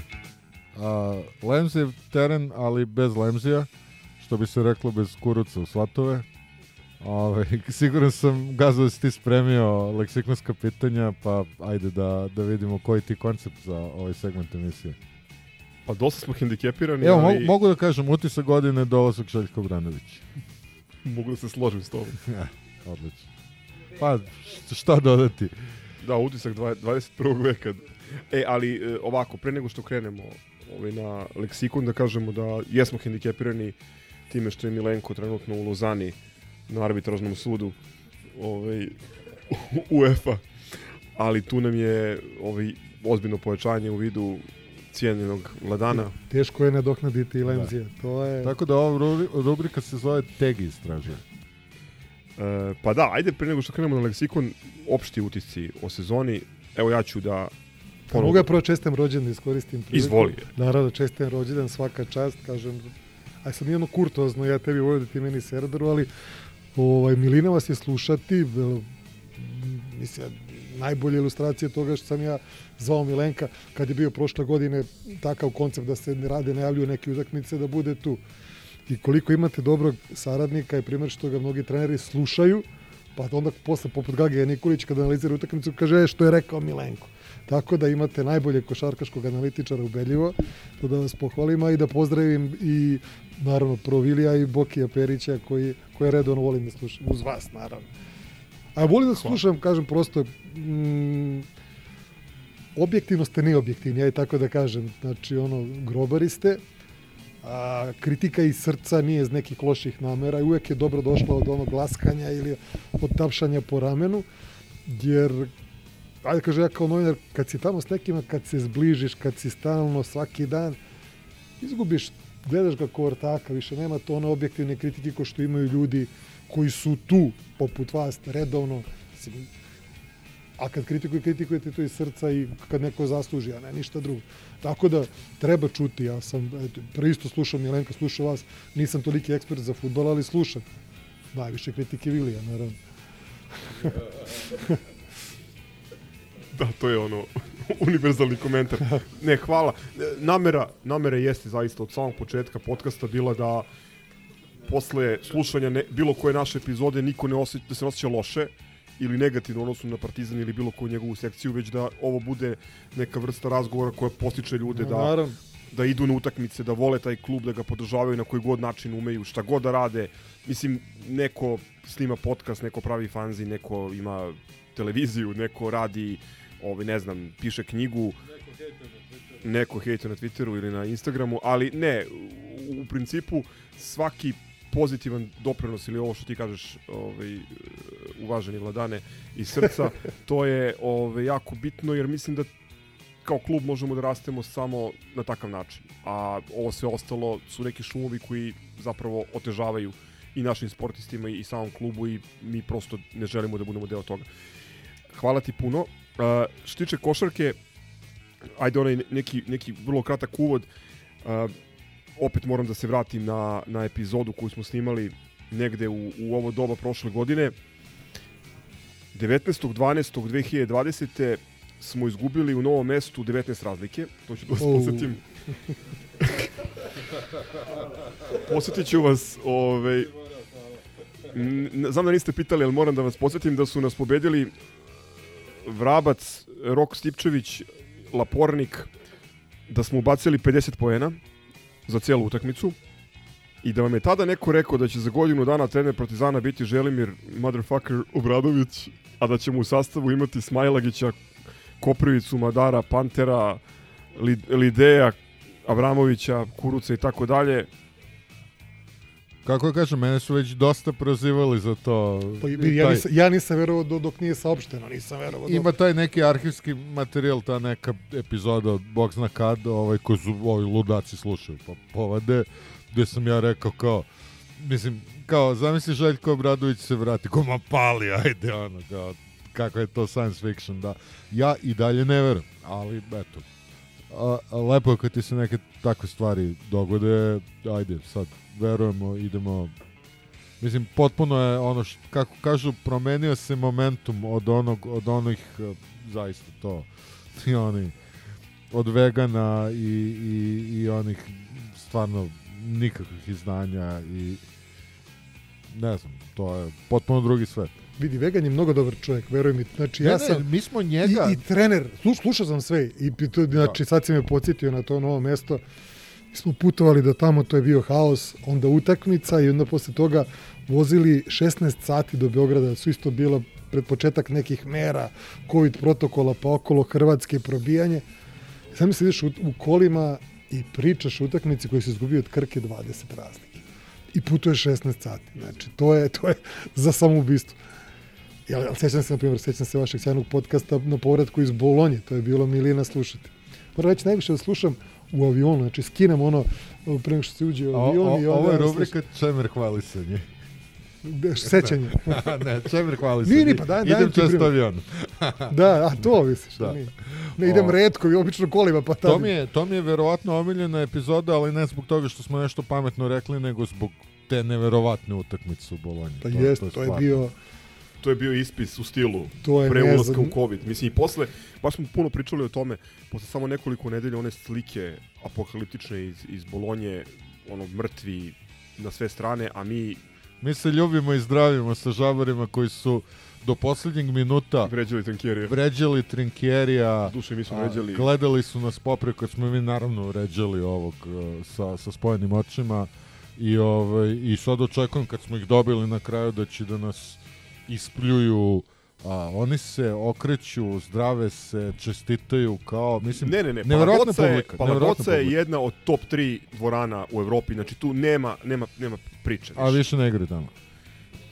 Da, igraju neka Zaleki u Rinovu, to je isto kao neko pregrađe, ali stvarno dvorana sa šmekom, sa istorijom i oni su kao navijači. Tu, kažu, vi, viši, u viši slojevi Bolonje navijaju, ovaj, zbat. Mislim, sve je tu bilo nezaboravno, ja sam slučajno veče pre toga su se našli zajedno Carlton Myers i Saša Danilović, Mm. pa onda Mislim, ti ne znaš kako su tu zezanja bila. Uđe Danilović, Ne, baš sa stilom i- Uđe Danilović u halu i sad krenu da mašu i svoji posle mu kažu, pa što ti dižeš ruku, nemaš u tebi, ne zove Saša, nego Sašu Đorđević. Ili, znaš, takve stvari, Da. da, krene i ono prozike, prozike i dođemo na aerodrom, vraćamo se i ono red. Policija, carinici, svi došli da se stikaju s Danilović. I onda shvatiš gde si, šta si, znaš, ono, gosp, uh, gospodska publika. Da, to, to, Baš to, to je, to je utakmica sa one dve zajedničke legende. A, dvojicom Saša, što bi se Da, reklo. ponovo u istoj hali kao 92. Da. u svodovima dvorane, a mi smo isto imali sa, sa ovi, navijačima Fortituda interesantan e, događaj kada smo stigli tek u Bolonju i hteli smo da providimo kakva je situacija s kartama i, i generalno da, da se promuvamo kod dvorane, parkirali smo tačno pored Paladoce, neki navijač Fortituda nam je, pošto naravno niko živi ne zna engleski, Da, pomogao nam da platimo parking. Da, ali, ali kad je čuo, ovaj, odnosno kad je provalio ko smo i šta smo, imao je šta da kaže, ovaj, Da. stručni komentar od Oni su poznati po tome. Ne, ne, ali Da. neverovatno, ja recimo, ja do kontakta sa njima nisam imao predstavu koliko taj deo Italije poznaje košarku, koliko, Jeste, ih, jeste. koliko se pale na košarku, to mi je ono baš otkrovenje bilo. Znači, znam da na severu da je odbojka popularna, naravno futbal je opšte mesto, ali to koliko u Bolonji, koliko se voli, voli košarka, to mi je, ovaj, taj put mi je to potvrdio. Vidi, kad pobediš nekoga takvog tamo, to je, znači, pa, da se Dobro. ne vraćamo, to ne mogu prežalim i dalje tu prekinutu sezonu. Dobro, to, bumeri, radimo retrospektivu protekle godine, a ne davno prošlih vremena. Nije davno, pre godinu i po je bilo, koliko to? E, a, a, Februar. a, a subjektivni utisak 10 godina. 20. Da. Da, da, da, subjektivni Tačno. utisak je definitivno. Tako. Ali evo, ajde, subjektivni utisak, Željko Bradović danas, a Krka novo mesto, minus 19 pre godinu dana. Pa da, prešli smo, reklo bi se, dugačak put. A, ne znam, ja kao laik neću mnogo pričati o ovom delu, jer a, to su dva osvajačena stručnjaka. Znači, Lemzi nije sa nama, ali nećete ostati u- uskraćeni. Ja kao laik mogu kažem da, eto, radujem se svakoj utakmici, a, radujem se i one koju izgubimo, jer nekako poraz sastavni deo ovaj, sporta, kako nam govori špica trećeg polovremena za studije B. Ovaj, ne znam, ne, neću ni, ni da se mešam, ni da govorim o selekciji, rekao bih ovo je tim koji tek treba da se kristališe, ovo je neko polu rešenje, ne očekujem ništa spektakularno od ove sezone, jer mi smo i pokušali, mislim nama je na klupi Miletić, a, mi imamo mnogo igrača ko, sa neizvesnim statusom, Evo, mi smo se, mi smo se u podcastu oprostili od Trife i onda je Trifa odigrao par fenomenalnih utakmica. Ima tu dosta nepoznanica. A, mi imamo trenutno dva vrhunska igrača, nekoliko vrhunskih talenata i bojim se da to nije dovoljno ni za osvajanje Evrokupa. Vidjet ćemo šta će se desiti. Imamo definitivno najboljeg trenera u Evropi imamo sigurno budžet od koliko beše, 10 miliona koji je nedovoljan. Sad je probijen, to je pošto smo 15. pet i po dali, pet i po smo dali za A za Lesora. Lesora, sad je 15 I za glasa da. šest. Da, sad je 15 i po, ovaj, tako da nemam neka kriminalno velika očekivanja, a, nadam se da ćemo da nešto napravimo, ali opet, kad Kažem, što je bitna nada? Nada je bitna, Nada i vera, jer to je dolazak jednog čoveka, ja nisam verao da može toliko da promeni, ali Ali A- vratili smo se na onu sezonu. Mi smo za onu sezonu u Trenkivo imali velike nade ispostavilo se da nismo grešili. Jer... Sjeti se kako je počela i ta sezona. Nije to baš... Primorska, poraz. Primorska, Da, pa da, da. Olimpija isto kao, pa bilo je tu poraza. Jesmo mi 5-0 napravili Mi smo u... masu utakmica Eurokupu. u toj sezoni a, rešavali ono na, na, na posljednji šut pa šta bude. Jaramaz, pa kup sa Da, da, da. Panterom na drugoj strani, pa svega toga je bilo, ali polako se tu sklapaju kockice. Znaš, što je najbitnije? Kažem, vera, autoritet i mislim da Željko Bradović, gledajući od druge po klubu, da on sve diže na više nivo. Sad svi moraju da rade. Nema zabušavanja, nema nema da bude vodokotlić, što ti kažeš, potpuno ispravno na stadionu takav, znaš, ne može u hali da bude bez kancelarije za trenera, bez table, bez ovoga, bez ovoga. I ljude je prosto sramota da imaš takvog trenera, a da balkanski post- kluba ne- balkanski ne prati da taj nivo. I onda sve i sve to mora da se, da se diže onda na viši nivo i to je najveća prednost i stvar autoritete. Zamisli, zamisli da je bilo koji drugi trener sklonio Pejđa, Tomasa i Mozlija. Pa to bi, bio, to bi bio haos. Da, ali, ubili bi ga. ali, e, ali imaš Željko Bradovića i uvek ono, ko što i vi govorite, ja često, ko sam ja da pričam, ja ti pričaš stručnjak, ja se ne smatram stručnjakom, nego poznavaocem. Drugo je kad neko pratiš, pratiš, nisi poznavaoc, stručnjak je krupna reč, da bi, da bi Dobro, to... ali vas dvojica bar znate da u futbolu nema, off- nema offside za razliku od mene i kuma. Da. E, ali... I znate šta su mala leđa. Nije, nije, I još jedna stvar isto vidi, ja sam na primjer, a, protivnik sam ideolo poklonstva, ne treba sad ići da nikakvu kažem. drugu krajnost, Da. a, do, dođe ti najbolji trener, ali opet ne igra trener, ma koliko on bio dobar, iako ona, ona priča, a, dobar vojskovođa će sa slabijim vojskom da uradi nešto, nego obrnuto. Sad treba sačekati i, i greši se, ima grešak, ali a, mislim da Željko pre svih nas uviđa te greške.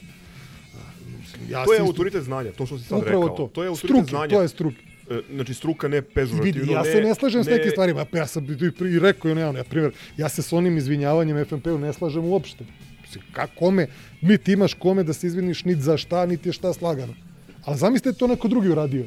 Pa masakrirali bi ga. E, to je ona dobra stvar što imaš autoritet, jer mora da se zna, da se poštuje, čija se sluša, ček, bio ne bio u pravu. Bez idolopoklonstva, niko nije amnestiran od kritike. To hoću da kažem, znači, um, dve stvari sam mi sad isprovocirao ovaj, da, da, da, da, da, da pomenem. E, Prvo, idolopoklonstvo. Mislim da taj autoritet znanja da je on potvrđen već sada, znači već koliko je to sad, 5-6 meseci, ti imaš, znači uživo možeš da vidiš Koprivicu i Glasa, koji su bili, mislim znamo gde su bili, u avgustu mesecu ili Liburnija kup, to je početak septembra, a gde su sada? Znači imaš dva igrača koji su bili ne dva nivoa ispod, nego prosto bili su junior, juniorski košarkaši, koji su sada legitimni e, igrači za za 12 Partizana, ako ne i preko toga glas koji je sad ubacio u, u ovaj, Krasnodaru 20 poena, e, Balša koji ima neke odlične sekvence ovaj, na, na obe strane terena i tako dalje. Tu se vidi, tu se vidi e, da kažem, rad sa najboljim trenerom, e, koji od igrača koji imaju potencijal, ali možda nemaju kvalitet, koji mi želimo u ovom trenutku, e, da kažem, pomeraju se, idu napred i to je taj projekat od tri godine. I druga stvar koju hoću da kažem, to je da um, e, znači to kažem poverenje u Bradovića ono jeste bespogovorno u smislu da o, čovek koji je devet puta osvojio evropsku titulu prvaka Evrope mislim naravno da bolje zna od svakog od nas pojedinačno. E, i e, upravo vera da on u te tri godine nared- naredne može da izvuče maksimum i da nas diže polako nivo po nivo više i nadam se da je da je ono krajnji rezultat ili budućnost svetla i pozitivna. Znaš šta je mene Željko pitao posle nekih 15-20 dana, kaže, što, ti, što si ti rekao za mene da a, ja rizikujem puno, kao što ja rizikujem? Ja i dalje smatram da on rizikuje. Znaš kako, ljudi a, u Srbiji, imaš ti neke pedigre, nešto osvojiš, I prvi ili drugi put kad na, doživiš neki debakl, samo se pamti to, ono pre toga se uglavnom zaboravlja. Pamti se posljednja Znaš, stvar koju si uradio. Znaš, koliko ljudi priča je Željko Bradović, Novi Sad 2005. Tina 2004. A zaboravljaju 95. 7. ili 8. To ti je tako. I još jedna stvar, gde ja mislim da je problem i gde tu treba da se a, poklope kockice, Željko Bradović je došao s fakulteta, vratio se u srednju školu. E sad ti trebaš, nemaš više studente, i to najbolje studente, nego se vraćaš na srednjoškolce. I treba, i treba, dobro, ne preteruj sad s preškolskim, ali, ali vratio se u srednju školu i sad trebaš ti svoje znanje da prilagodiš srednjoškolcima. Realno, znaš, ti dolaziš sa evroligaške scene u Evrokup. To, je tačno, ali on je on je već I oni on- treba on, da on je prošao, on je njega. prošao srednju školu. On zna ka, kako se bilo bi problem da je obrnuto, znaš da je on Ali dugo si na fakultetu i dugo predeš na fakultetu, E, treba se vratiš na nivo studenta, na nivo se. o, srednjoškolaca. Slažem se da treba da gimnazijalaca. očekivanja, ali mislim da je on potpuno svestan gde se vratio i još jedna stvar koju hoću da kažem. E, Nije samo naš klub učinio u celini boljim, u smislu da pomera, da tera sve od cepača karata do ljudi koji rade, ne znam, u marketingu da, da daju više. Mislim da on ovu sredinu čini mnogo boljom. Kroz, Naravno. kroz činjenicu da, ne znam, izraelska državna televizija prenosi utakmice ABA lige. Ma, ti si već pričao, mislim da je onaj čovjek iz Zadra što je rekao nisam vodio, nisam ni zamišljao da ću voditi ekipu protiv, protiv Željka Obradovića. Tako što je. je najveća istina. E, I to je, i to, znači, evo, imamo sada već neki dobar uzorak utakmica. On je od bara do Draženovog doma, sutra će biti i, i, i novo mesto. Svugde je dočekan kao najveći. Kao najveći i najbolji trener. Izuzev u pioniru. E, ali to je dokaz koliko vrediš onakav doček u pioniru. Naravno. Da, ne dočekuje se svako tako. Mislim, da ne podsjeća Nenada Čanka, ali on, znaš, ni, ne, nisu oni trinkjerija sad vređali pre 7 dana slučajno. Znači, Naravno. bila je frka, bila je panika, a da ne pričamo o panici za Željka Obradovića. Željko Obradović se vratio. Tu priča avioni, kamioni, novac. Mogao je da ode Čovek je e, Bilo svak- gde svaka došao je priča, Tako pa, je, svaka priča se e, dešava, on je mogu da bira. On je, ja sam rekao ti kad je to došao... ne možeš, to oni ne mogu nikad. Vidi, To oni ne mogu, to je papir i suština. da mu kažu, napiši znači, naslov, odnosno ime radne pozicije koju želiš, opiši opis pozicije koju želiš da radiš i unesi cifru. Bukvalno je tako. Znači, e, mislim, znamo vrlo ja dobro. sam bio u Atini a, kad je bio Akropolis skup i kada je puštena priča ona sa, sa svadbe Kićinog sina. Grčki komentator prekida prenos, njih dvojica rade. Jedan dolazi do mene da pita je to istina. Znači, a, pošto pojavila se priča da ga želi i Panathinaikos. Odeš u Istanbul da vidiš, kao trebaš da odeš u Atinu Istanbul, a imali smo slučajno eto ta dva turnira gde su bili domaćini i Panathinaikos i Fenerbahče, I onda počneš da vrednuješ to što je čovjek napustio to, a mogao je da bude tamo za 3, 4, 5 puta uh, veći ugovor i za veći budžet i za mnogo bolje igrače. I u da komfornijoj Euroligu. situaciji I on generalno. je sve to napustio i došao u Partizan. Glupa pri... E, vidi. E, zato je dočekan u pioniru onako kako je dočekan. A zato, je, zato što vredi. Da, ne, da, ni- da nije nekog, znaš, da vredi, da ne bode oči, to je to. Jeste. Iako je ekstra korektan, iako pokušava neke stvari, sve to lepo, ali, ali Zadar, Split, Bar, sve drugo da inostranstvo ti daje primer ko si, šta si i koga imaš. Tretman sudija. Nešto o čemu ne da pri- dovo- dovoljno. Budemo realni, mi nikad bolje suđenje Tako imali. Ja ne znam da se navijački ljudi gledaju neke stvari, ja mislim da mi imamo Ajde, taj Hamburg, slažem se. je Hamburg, posle četvrtine je bila sporna, ali ostatak- Ali sve ostalo je... Pa ovo protiv Šiljonska, ovog nesrećnog. Znači, da nije on na klupi, svirali bi vjerojatno preko pola Lideju, Kurucu, odnosno Kuruču, kako on kaže, faul u napadu i onaj ono što nije bio faul, što si ti lepo, lepo To je- snimio, to je autoritet. to, to bi, da, to je autoritet znanja i, i to je nešto što samo on ima. E, ovo što si rekao je jako bitno, mislim. E, Zvezda ne postoji. Povratak iz fakulteta u srednju školu, mi pokušavamo kroz ove naše podcaste da malo amortizujemo euforiju i da možda spustimo očekivanja. Ima tu puno pozitivnih stvari, ja sam pomenuo sada Balšu, pomenuo sam Glasa, ima tu još nekih stvari koje su, koje su dobre po meni, ali i dalje je to mlada ekipa koja puno oscilira, koja će da napravi seriju 22-2 protiv Slaska, ali će da dođe i do toga da izgubi, malte ne. Od, Milenko i ja smo prethodne godine kritikovali, a da ne vređamo nikoga, da je, ne volim tu priču, uzmeš 5-6 stranaca polovnjaka. Bolje dva top ekstra igrača i da oko njih praviš malo. I mislim da je on to sad uradio. Dva top igrača, ono udario je u glavu, iskoristili su priliku, šta se radilo u Milanu u tom trenutku, kako je kako, uzeto su dva ekstra igrača, dileme nema, to je pun pogodak, okolo se tu pravi, imaš ona, što kažu, dobre klubske igrače oko njih i, i talente. I vidi se šta se želi, ja mislim da od, od 92. žel- 91. na drugu nije imao ovako mlad tim. E, kažem, a, treba oni da nauče to, da reprodukuju bar 10 akcija, bar 10 načina obranjenja, bar bilo šta. Mm, treba tu i košarkaške i opšte inteligencije da bi, da bi sve to sprojao. Evo I da, shvati. Da nam malo razbijem ovaj, koncepciju koju smo planirali, mislim da je idealna prilika da ne ostavljamo kao siroča ovu poslednju utakmicu koju smo odigrali, pošto Tegi ti si bio na On the Face, On the Place, išao si avionom, a, utisci ove utakmice protiv Lokomotive. ja mislim da još 10 puta igramo tamo nećemo pobediti. To je neverovatno. Mislim da je ovo peti poraz u, u, u Krasnodaru. O, katastrofa odbrana, mislim, šta sad ja pametujem, kad ti jedan čovjek da 30 pojena, kad primiš preko 100, znaš šta mi da priča, fali nam play, pa fali nam centar. Ne, nam je falila odbrana. Da, Nismo- to, to je moj dojam, ono, laički, a, naše Ne može jedan čovjek da ti da 30 i nešto Naše najjače oružje je odbrana, a ona se prilično raspala na toj Totalno, ne prilično, totalno. Ja sam u trenutku, ovaj, zapravo kada je Motli dobio isključujuću, ja sam se ponadao da ćemo možda uspeti da da uvedemo utakmicu u naš ritam i da nekako ovaj mirno privedemo kraju, međutim Mekolum je poludeo i mislim da budemo potpuno objektivni, nismo i u najavi rekli, oni su ekipa koja po imenima u top 3, ako ne i Najjači. najjači. Imaju pet Amerikanaca koji mogu da daju 20 poena.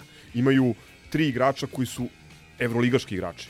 Mislim, da pođemo od toga da im sedi eh, Alan Williams na klupi, čovek koji, mislim, realno je nivo iznad. I, mislim, meni je ta utakmica zapravo, aj sad, ovaj, ja nisam bio u, u Krasnodaru, ali sam ispratio vrlo pažljivo. E, dve, ako mogu da kažem pozitivne strane, to je ono srce koje je ponovo srce, ruke, glas pokazao ovaj, Gregor Glas. E, igrač koji, mislim, pokazao je zapravo da uz Željka možeš da rasteš i drugo, igrač za koga nismo znali, znači on je bio na klackalici, on je bio praktično ono, da, bilo Da, je pitanje da li će ostati. potpisan, da. Tako je, bio na, na probi, došao je do toga da menja legitimno Pantera kao, e, znači dva ili tri puta smo imali akciju posle timeouta za njega. Znači to je to je neverovatno poverenje koje Željko s pravom i, mislim Zna, znaš šta je isto to? To je ono što mnogi ne vide. I kad Panter ne da koš, to je ono što kad je u igri sa njim, koliko je lakše uh, Jer odlači igrača i ima, ima čisti šut. I njemu će ali- biti sve teže i teže. Već kad sad je provaljen, sad će da ga skautiraju, neće biti isto. Ali vidiš, Ne, ne, meni je to, to je jedna stvar. A druga stvar koja mi je, e, koja mi je e, mislim, mislim, važna je da se pomene, to je e, učinak i partija Radeta Zagorca. Jeste. Mislim da je Rade rudarska- statistički rudarska na, stranu, znači imao je 28 minuta, koliko je tako nešto. da, bilo ali, ali pre svega odbrana u prvom poluvremenu. Vidi, zato ga je držao 28 minuta zbog odbrane. Odličan je bio.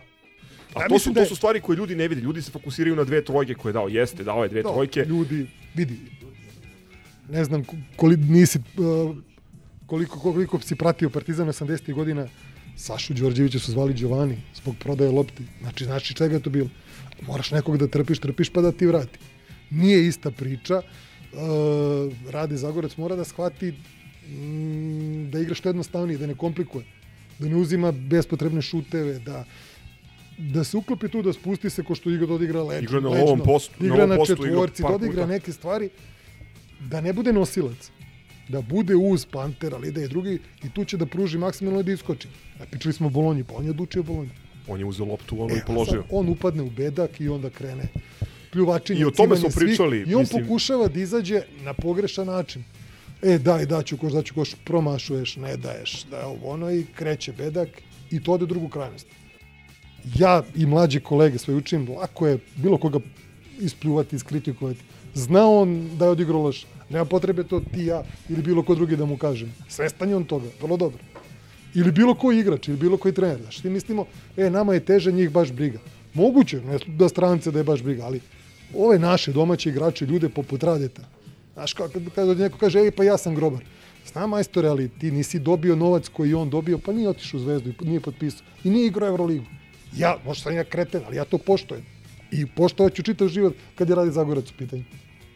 Ne, ne, mi smo više puta ovde govorili, ono, apsolutna podrška Radetu i kad igra dobro i kada ne, ne igra, voljni moment nikad nije upitan, znači kvalitet nikad nije upitan, mislim da je kod njega problem samo psiha, odnosno to što si Jest. rekao, nekada želi previše nešto i onda imaš te nerezonske šuteve u trećoj sekundi Preuzme napada. više na sebe Tako ili je, jer misli da će time da razbije blokadu i da zatvori uš, ovaj, usta svima, ali suštinski, uh, ja se slažem s tobom, kada igra u funkciji ekipe, a to je bio slučaj posebno u prvom poluvremenu, kažem, na stranu ofenzivni učinak, meni je odbrana njegova u prvom poluvremenu ono što, znači najbolji doprinos uspehu Partizana koji može da u ovom trenutku. Pošto vas slušam, redom samo još jednu stvar da ubacim, da ste pričali oko nesigurnosti nekih igrača, bili Zagorac, bili šut, kad je sam pa ne šutira, Željko uporno traži i tako igra Partizana da bude pas više. Ekstra pas, ide lopta, lopta, bočno jedno, drugi, treći, uvek da se dođe i zato, i zato se odlaže lopta i zato se želi taj auto, pogotovo u igri bez visokog igrača, kad bode neko pa vrati s polja. Jasno, to, to, to smo shvatili, međutim, problem što rade Kuruc, pre svega, a, imaju, Nekada jale. su neki, neki strah i u tim situacijama... Nema vere u sebe, tačno. U tim situacijama, kad, kada je izvršena ta rotacija lopte, kada je sam na trojici, on se opredeli da, da je daje dalje. Ovaj, da. o, Ali Željko to često traži. puna Traži još podrška- jedan pas. Ne, puna podrška za Radete, zaista. A, puna podrška i za i za Dangubića, iako se Dule ne bi složio sa tim, ali to su momci koji a, nekako... A, ok, Vidi, ja odavno nisam video momka, ja to stalno ispičem kao što je Nemanja Dangubić. Znači, a, takav profesionalizam, takav odnos. Prošle godine mi smo igrali poslednju utakmicu u KLS-u u Mega Factory. Gubimo 20 To razlike. 12 što je igrano. 20 razlike gubimo. Znači, posljednja utakmica, on je poredio zglob, izlazi napolje, dobija onu pomoć, na 20 razlike s takvim zglobom, on traži da se vrati da igra. Na minus 20. Znači, tražio je da igra. Znaš, bilo je igrača poput Tomasa koji nisu uopšte igrali roviti play-off, nije ni, ni Zagorac igrao pre toga. Nemanja Dangubić je tražio da odigra poslednjih 3,5 minuta na minus 20 da ga vrati u igru da igra. E, znači, to su stvari kad vidiš da nema foliranja. A to mnogi ne vide. Mnogi ljudi, znaš, a, nije isto gledati na TV utakmicu i kad vidiš, gledaš trening, kad vidiš kako se neko ponaša, na, kad gledaju video u restoranu, kada putuju i ovo ono. Ne, ne, to je, to je manire, fus ko nota nema. koju uvek to navodimo. su velike stvari treneri, koje ljudi, treneri koje žive ljudi sa ne- njima i nije oni isto znaju kad najbolje. gledaš utakmicu na TV-u, znaš i sam nije isto kad si u hali, pa vidiš ko, kako, kad, šta se ponaša. Znači, to strašan momak. Vidi, uh, jedno pitanje samo sad, sad si mi isprovocirao, ovaj, uh, da li misliš, da li misliš da nam je ipak pored ta dva proverena stranca koje je Željko de facto dobio, da nam treba još jedan igrač sa malo više poen, poena u rukama? Ovo ti pitam, Ne, ne, ne. Misliš da ne? Ne, to svi pričaju, a, jeste, tu se priča taj, taj problem našeg playa i organizacije, ali a, Željko neće da kaže svima šta ima u glavi. Kakva je njegova koncepcija s tim ekstra pasom, sa igrom bez klasičnog centra. Sa nek, klasični centar sa nekim minijaturama. Veseli je kod Uleta igrao trojku, kod Željka igra peticu. To je to. A on želi da, igra, da pojača odbranu. Ali odbranu u sistemu da preuzima svako svakoga.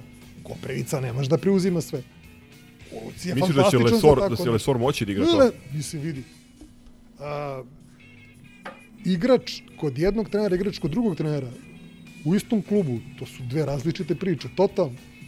To svaki igrač kod jednog trenera igra jednog kod drugog drugog. To ne mora da znači, pogotovo u evropskoj košarci. Da li nekom nešto odgovara, da li ne. Sistem, mesto, uloga. To su, to su totalno različite stvari.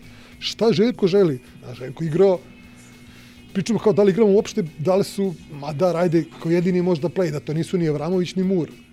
Znaš, Željko igrao s tri playa. Diamantidis, pa Pričali smo o tome. Znaš, tri Kad playa. je Ko, e sad, ko da. tu, šta, i do, stavi Tepića još uzme.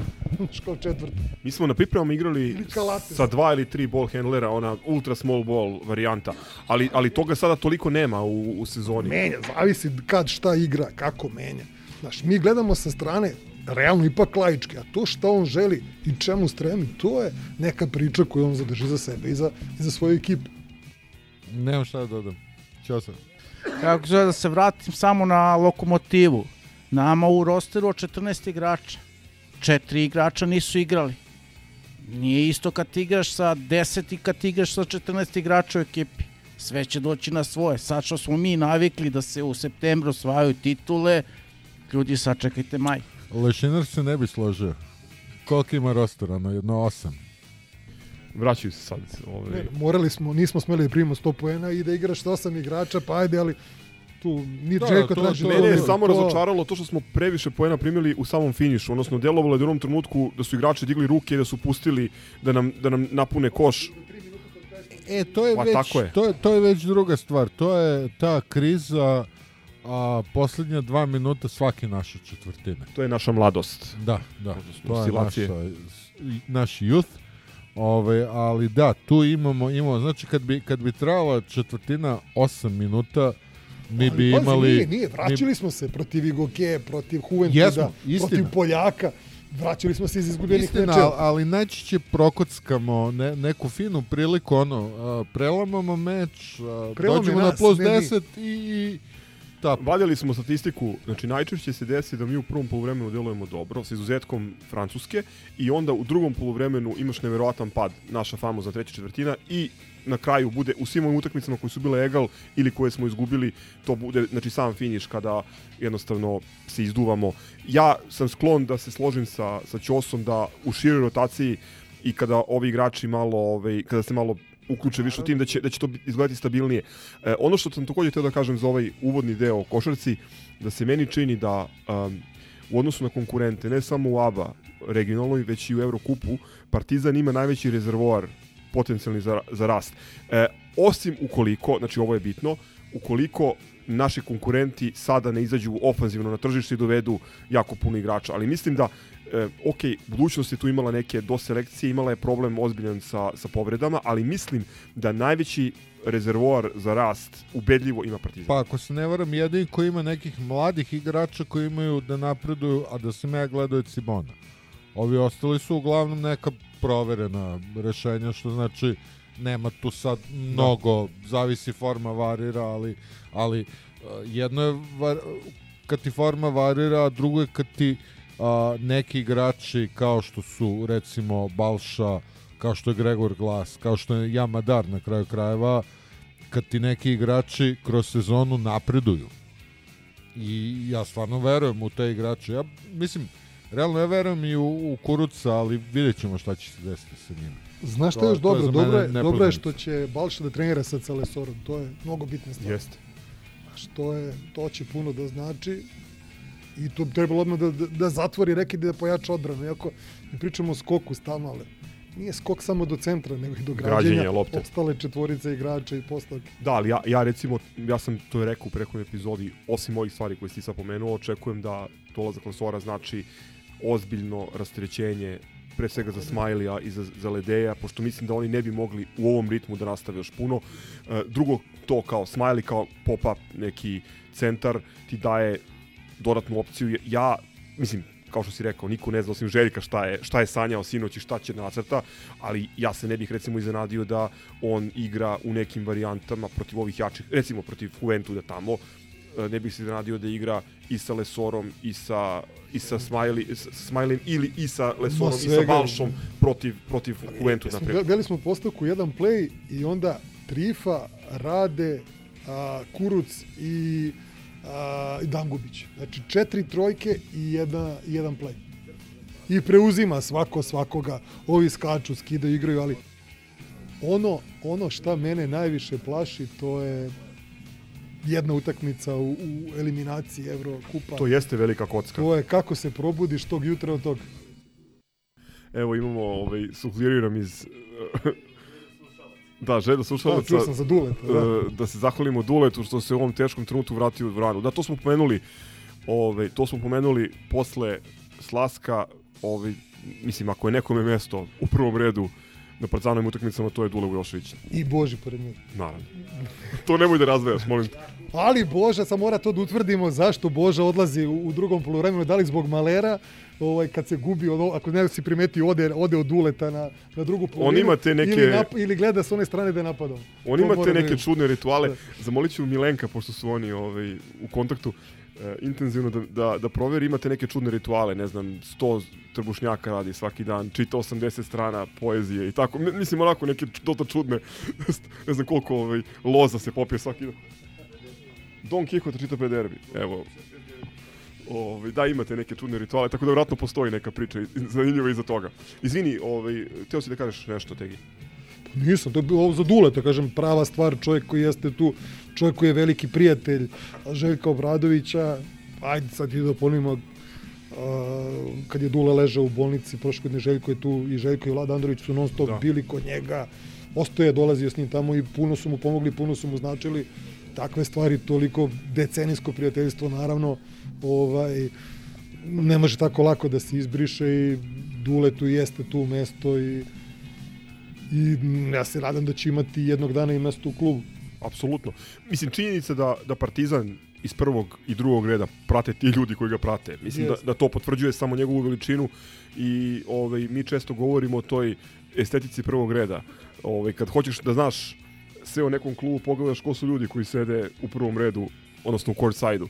Ovaj, to je često mnogo Moj više. omiljeni neki je profesor doktor a, Raičević, Anko Raičević, koji je, ovaj, znam koliko znate, koliko puta je izveš, ono, izbacivan iz hale zbog ovaj, prozivke sudija i pro, pret prošle godine mi pravimo ono fan zone, priču s običnim navijačima i sad profesor, mislim, pukovnik, načelnik neurohirurgije na VMA i kaže Partizan i porodica meni su najbitnije, rekao, dobro profesore, a sudije, a dobro, ponese me igra, to je tako, ali evo, rekao sam, smirit ću se, bit će sve u redu i mi pravimo tu priču na poluvremenu.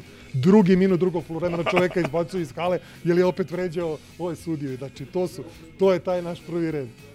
Odlično.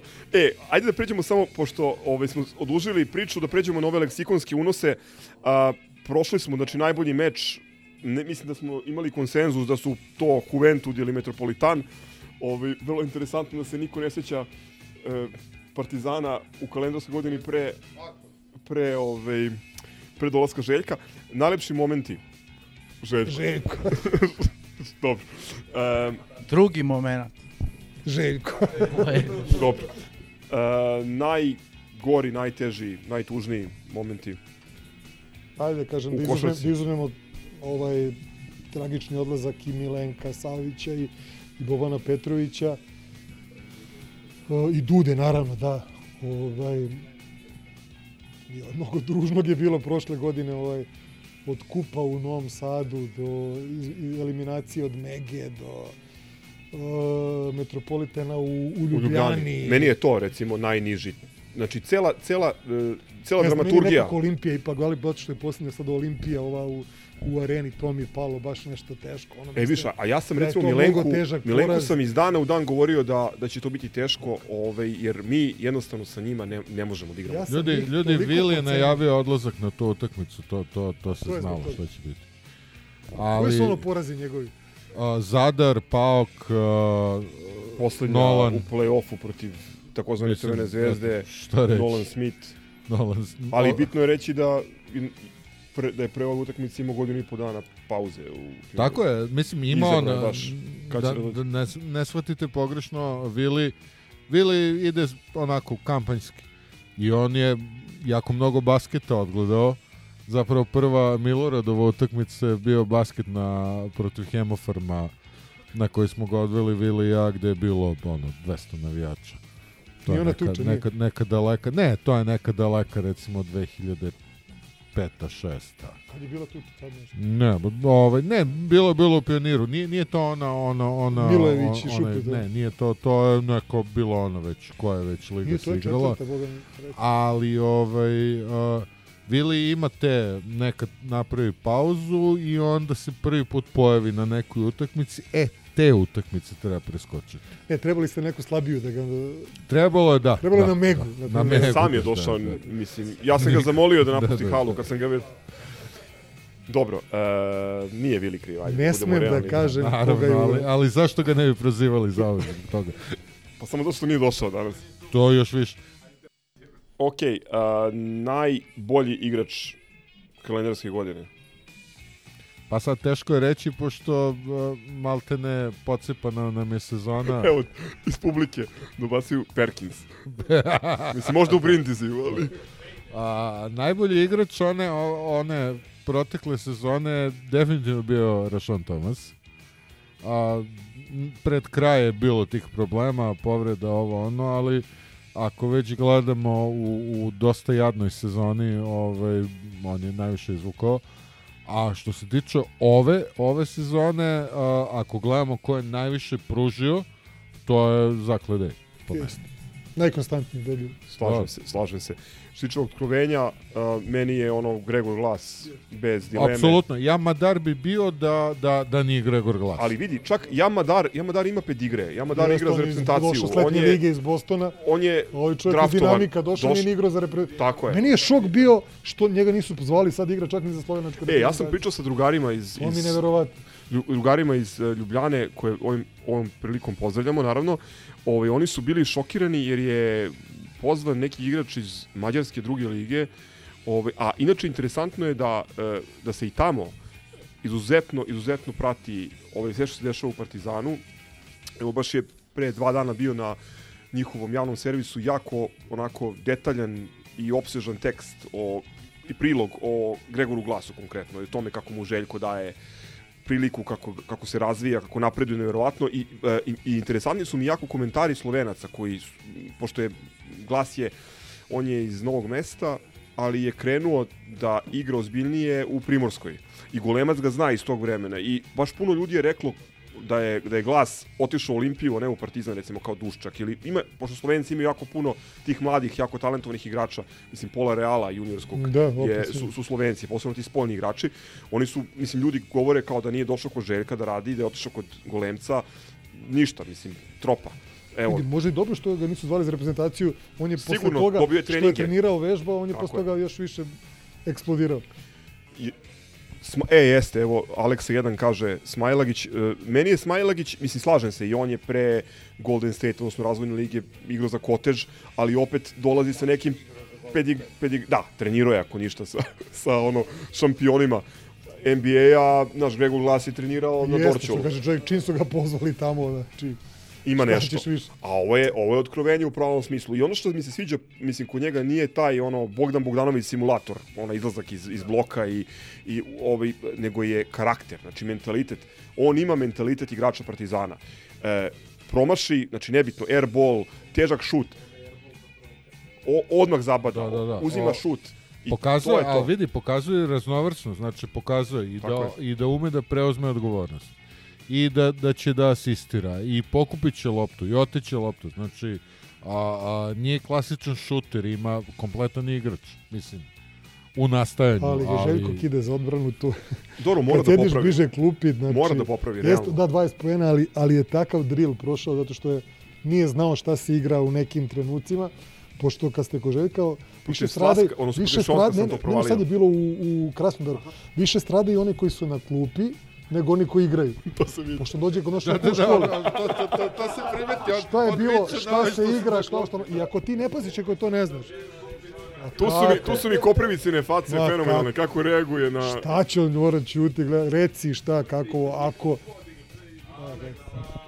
E, a takođe je dobro to, ta, ta priča. Mora bude koncentracija Da, to ste maksimalna. u pravu, možda- I mora možda- svako da zna šta se u tom trenutku Možda, igra. možda da, ako, ako ćemo kažemo košarkaška krilatica ovaj, sezone Pass the ball Aleksa. Može. E, a inače, ovo, interesantno je ta isto priča da je urađen profiling psihološki svih igrača i da Željko ima praktično individualizovan ili, ili uh, primenjen, prilagođen pristup svakom igraču konkretno. Znači nije, nije isti To je Talk, odavno govori. Team Talk za Jamadara, za Ima Nura koga, i za Aleksu. na koga vičeš, a na kome, kome ćutiš. Neko, nekoga to je posticajno, drugog u kanali. To su isto dobre, ove interesantne stvari. I, i, i takođe mi je interesantno je nauka postala. kako, kako usmerava e, Pantera. To mi je isto vrlo, vrlo interesantno. Mislim, pošto on očigledno ima, mislim, ne samo reputaciju, nego i ozbiljan, ovaj, kako bih rekao, pa kredit kod, kod trenera i ozbiljnu ulogu i interesantno mi je kako, kako njega to koučuje, kako ga usmerava. Pa vidiš, znaš koje su tu razlike? Primjer, gledaš, Dule obično kupio mlade igrače i koji mogu da podnesu taj drill toliko vreme, toliko količinu treninga. Trinkieri nije imao neke asove. Gledaj klubove koje on vodi, tu su igrači mnogo polovnjaka, gde fali jedan, kad fali jedan, dva ili... Jesu li timski igrači koje on zna? Koje on Jeste, zna? ali on ih ima 14-15. Željko ne beži od asova. I voli da ih ima. I ima ko ima kredit, ima i ko ima slobodu. Ja se sećam, bio sam tada u Atini, kad je Jasikevičiju sa Iseko. Totalno, znači ono, stilu, nije mogao da igra, bio neki broj stranaca za, za Grčku ligu i on je bio prekobrojni nije igrao Grčku ligu. Znači, dođe ti, kažem ti, pazi, treći play uz Diamantidisa i Spanulisa. Uh, Spanulis je zato otišao.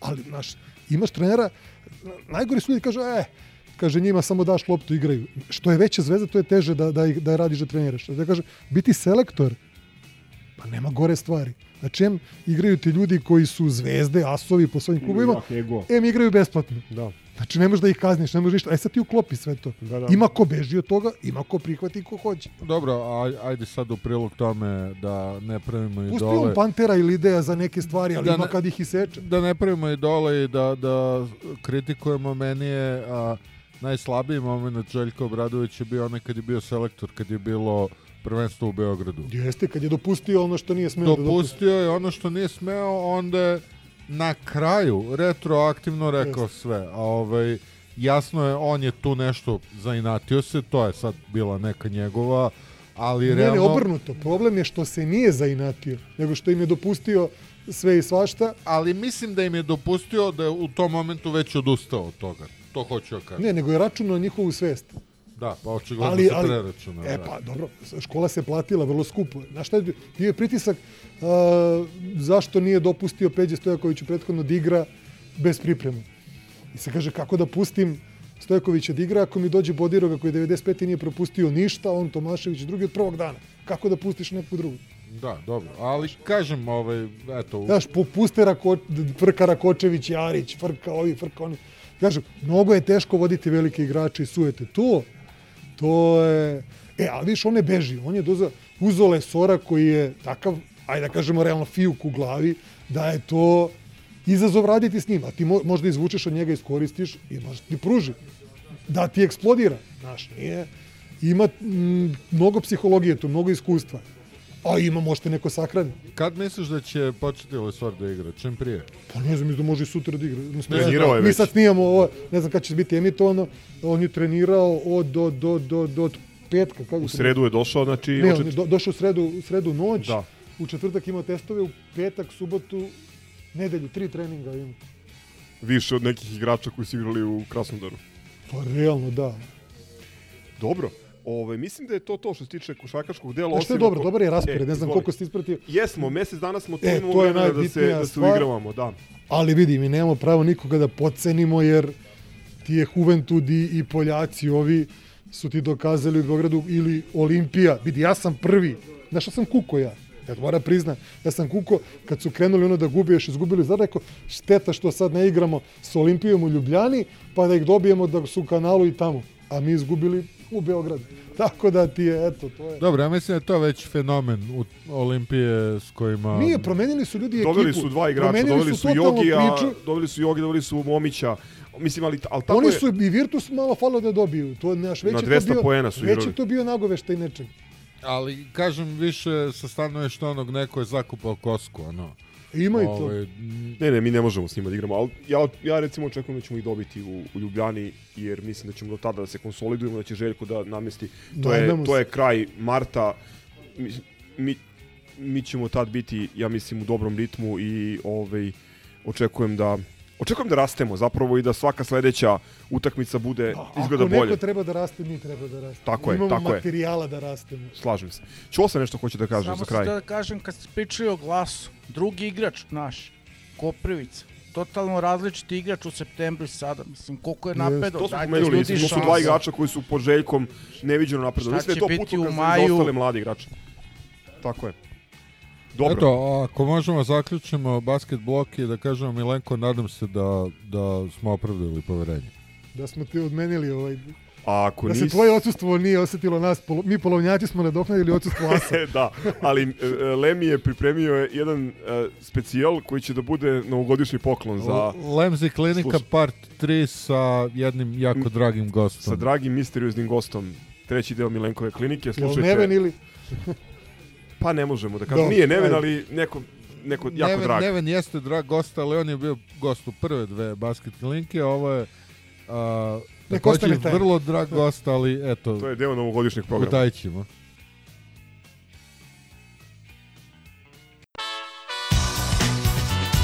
Valjda će ovo sranje da se završi jedno više. A bre, više, dokle je?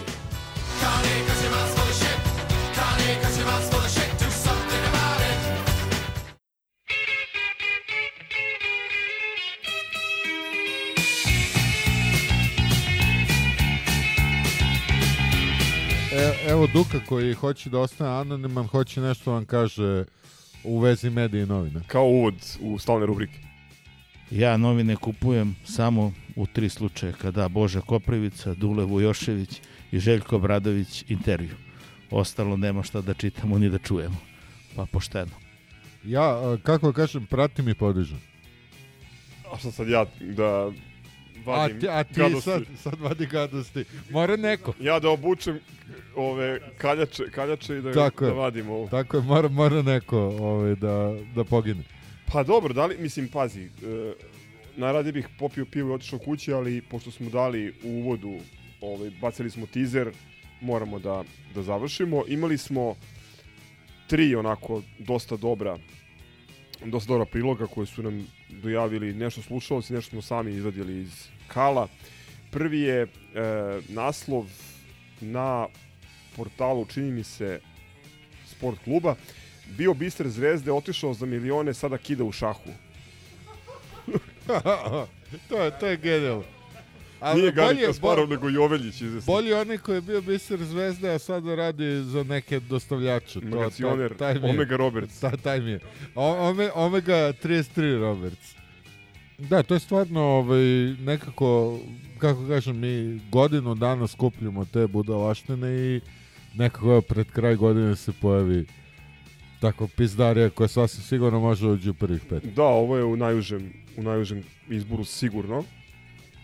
Ajde, vidjet ćemo, možda, možda ima smisla da izbacimo glasanje za najbesmisleniju objavu godine. Znači- Inače, izvinjavam se, ovo je bio, izvinjavam se smećigrafu, ovo je bio sport klub. Ja sam kao slušalac ovde došao i stvarno da pohvalim ovu ekipu. Malo je reći pametnih ljudi i samo tako napred. Znači, ne zna se, vidim i drago mi je što ima više generacija i mlađih i starih.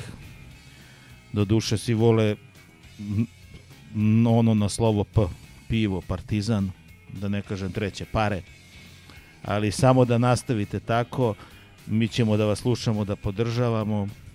A sad ste uživo videli kako ide jedna epizoda Histija, znači počinjemo onako, pa relativno smireno, analitički, ali onda ide tura piva, pa tura piva, pa tura piva. i Vili kad- dođe. Jeste, i kad dođemo do ovih poslednjih rubrika, to je spektakl. Teško je zadržati fokus. Evo druga, i nju smo pomenuli u uvodu, to je taj Pavkov gen. onaj shemale, onaj, onaj genijalno. Ovo je naslov, polako, polako, nije, ovo nije kraj. To je taj Pavkov gen. Ovo je Milanova sestra, povlaka, ista je brat, znak uzvika. Zbog njenih slika muškarci lude. e, ovo je isto fantastično. Svi znamo da ovaj, komšije kad im fali e, neka dobra priča, da nemaju problem da, da izmisle. E, naslovna strana žurnala pre tri dana, u nedostatku ozbiljnijih priča, e, evo vidite, ovo je aktuelnost sa naslovne strane žurnala. Džajić u timu decenije Evrope. Idealni tim Evrope 1970 do 79. pa, za, To je- to je žurnalo pre tri to- dana. To je breaking news. Znači, kad, ono, naći ćemo, naći ćemo vest ili ćemo izmisliti. E, da li nam je još nešto ostalo? Pa ostalo nam je evo rubrika pozdrav, ja pozdravljam Pedija Sheffielda koji se proslavio onim citatom Boža Koprivice koji je citatom. Jeste, koji, koji je Larkic retweetovao i završio je na nova RS đubret od portala. Da, jadan pedi iz Nehata. Ja, ja bih pozdravio uh, sve Patreone koji su bili ovde večeras, ali i sve one bisere rasute koji nisu mogli da nam se pridruže. Hvala vam još jednom, ali najiskrenije na, na, na podršci. I takođe želim da se zahvalim na kraju godine svim igračima i trenerima našeg sportskog društva koji se bore u zaista nenormalnim uslovima. Mislim, Samo da kažem, ova, ova sezona je recimo, a, kad govorimo o godini, u ovoj godini je predsednik rukmetnog kluba Željko Perkonić obolo od covida, boga mi bio na respiratoru i uspeo da se izvuče i cepa dalje, bravo Željko, Željko nastavi tako. Tako da gadno su vremena, a, jedno od redkih svetala na, na kraju tunela, ovo je naš partizan, kakav je, takav je. Ne očekujemo od njega da osvoji sve i da sve ovaj, razvali, ponizi, očekujemo da se bore i nekako, ajde, i do godine i slavimo treći rođendan pa, pošto smo rekli da počnemo još toliko, dočekat ćemo valjda i taj četvrti. To je bio taj zakasnili rođendan i Boxing Day specijal. Ćao. Ćao. Ciao, brate. Salim ti prijetna dan.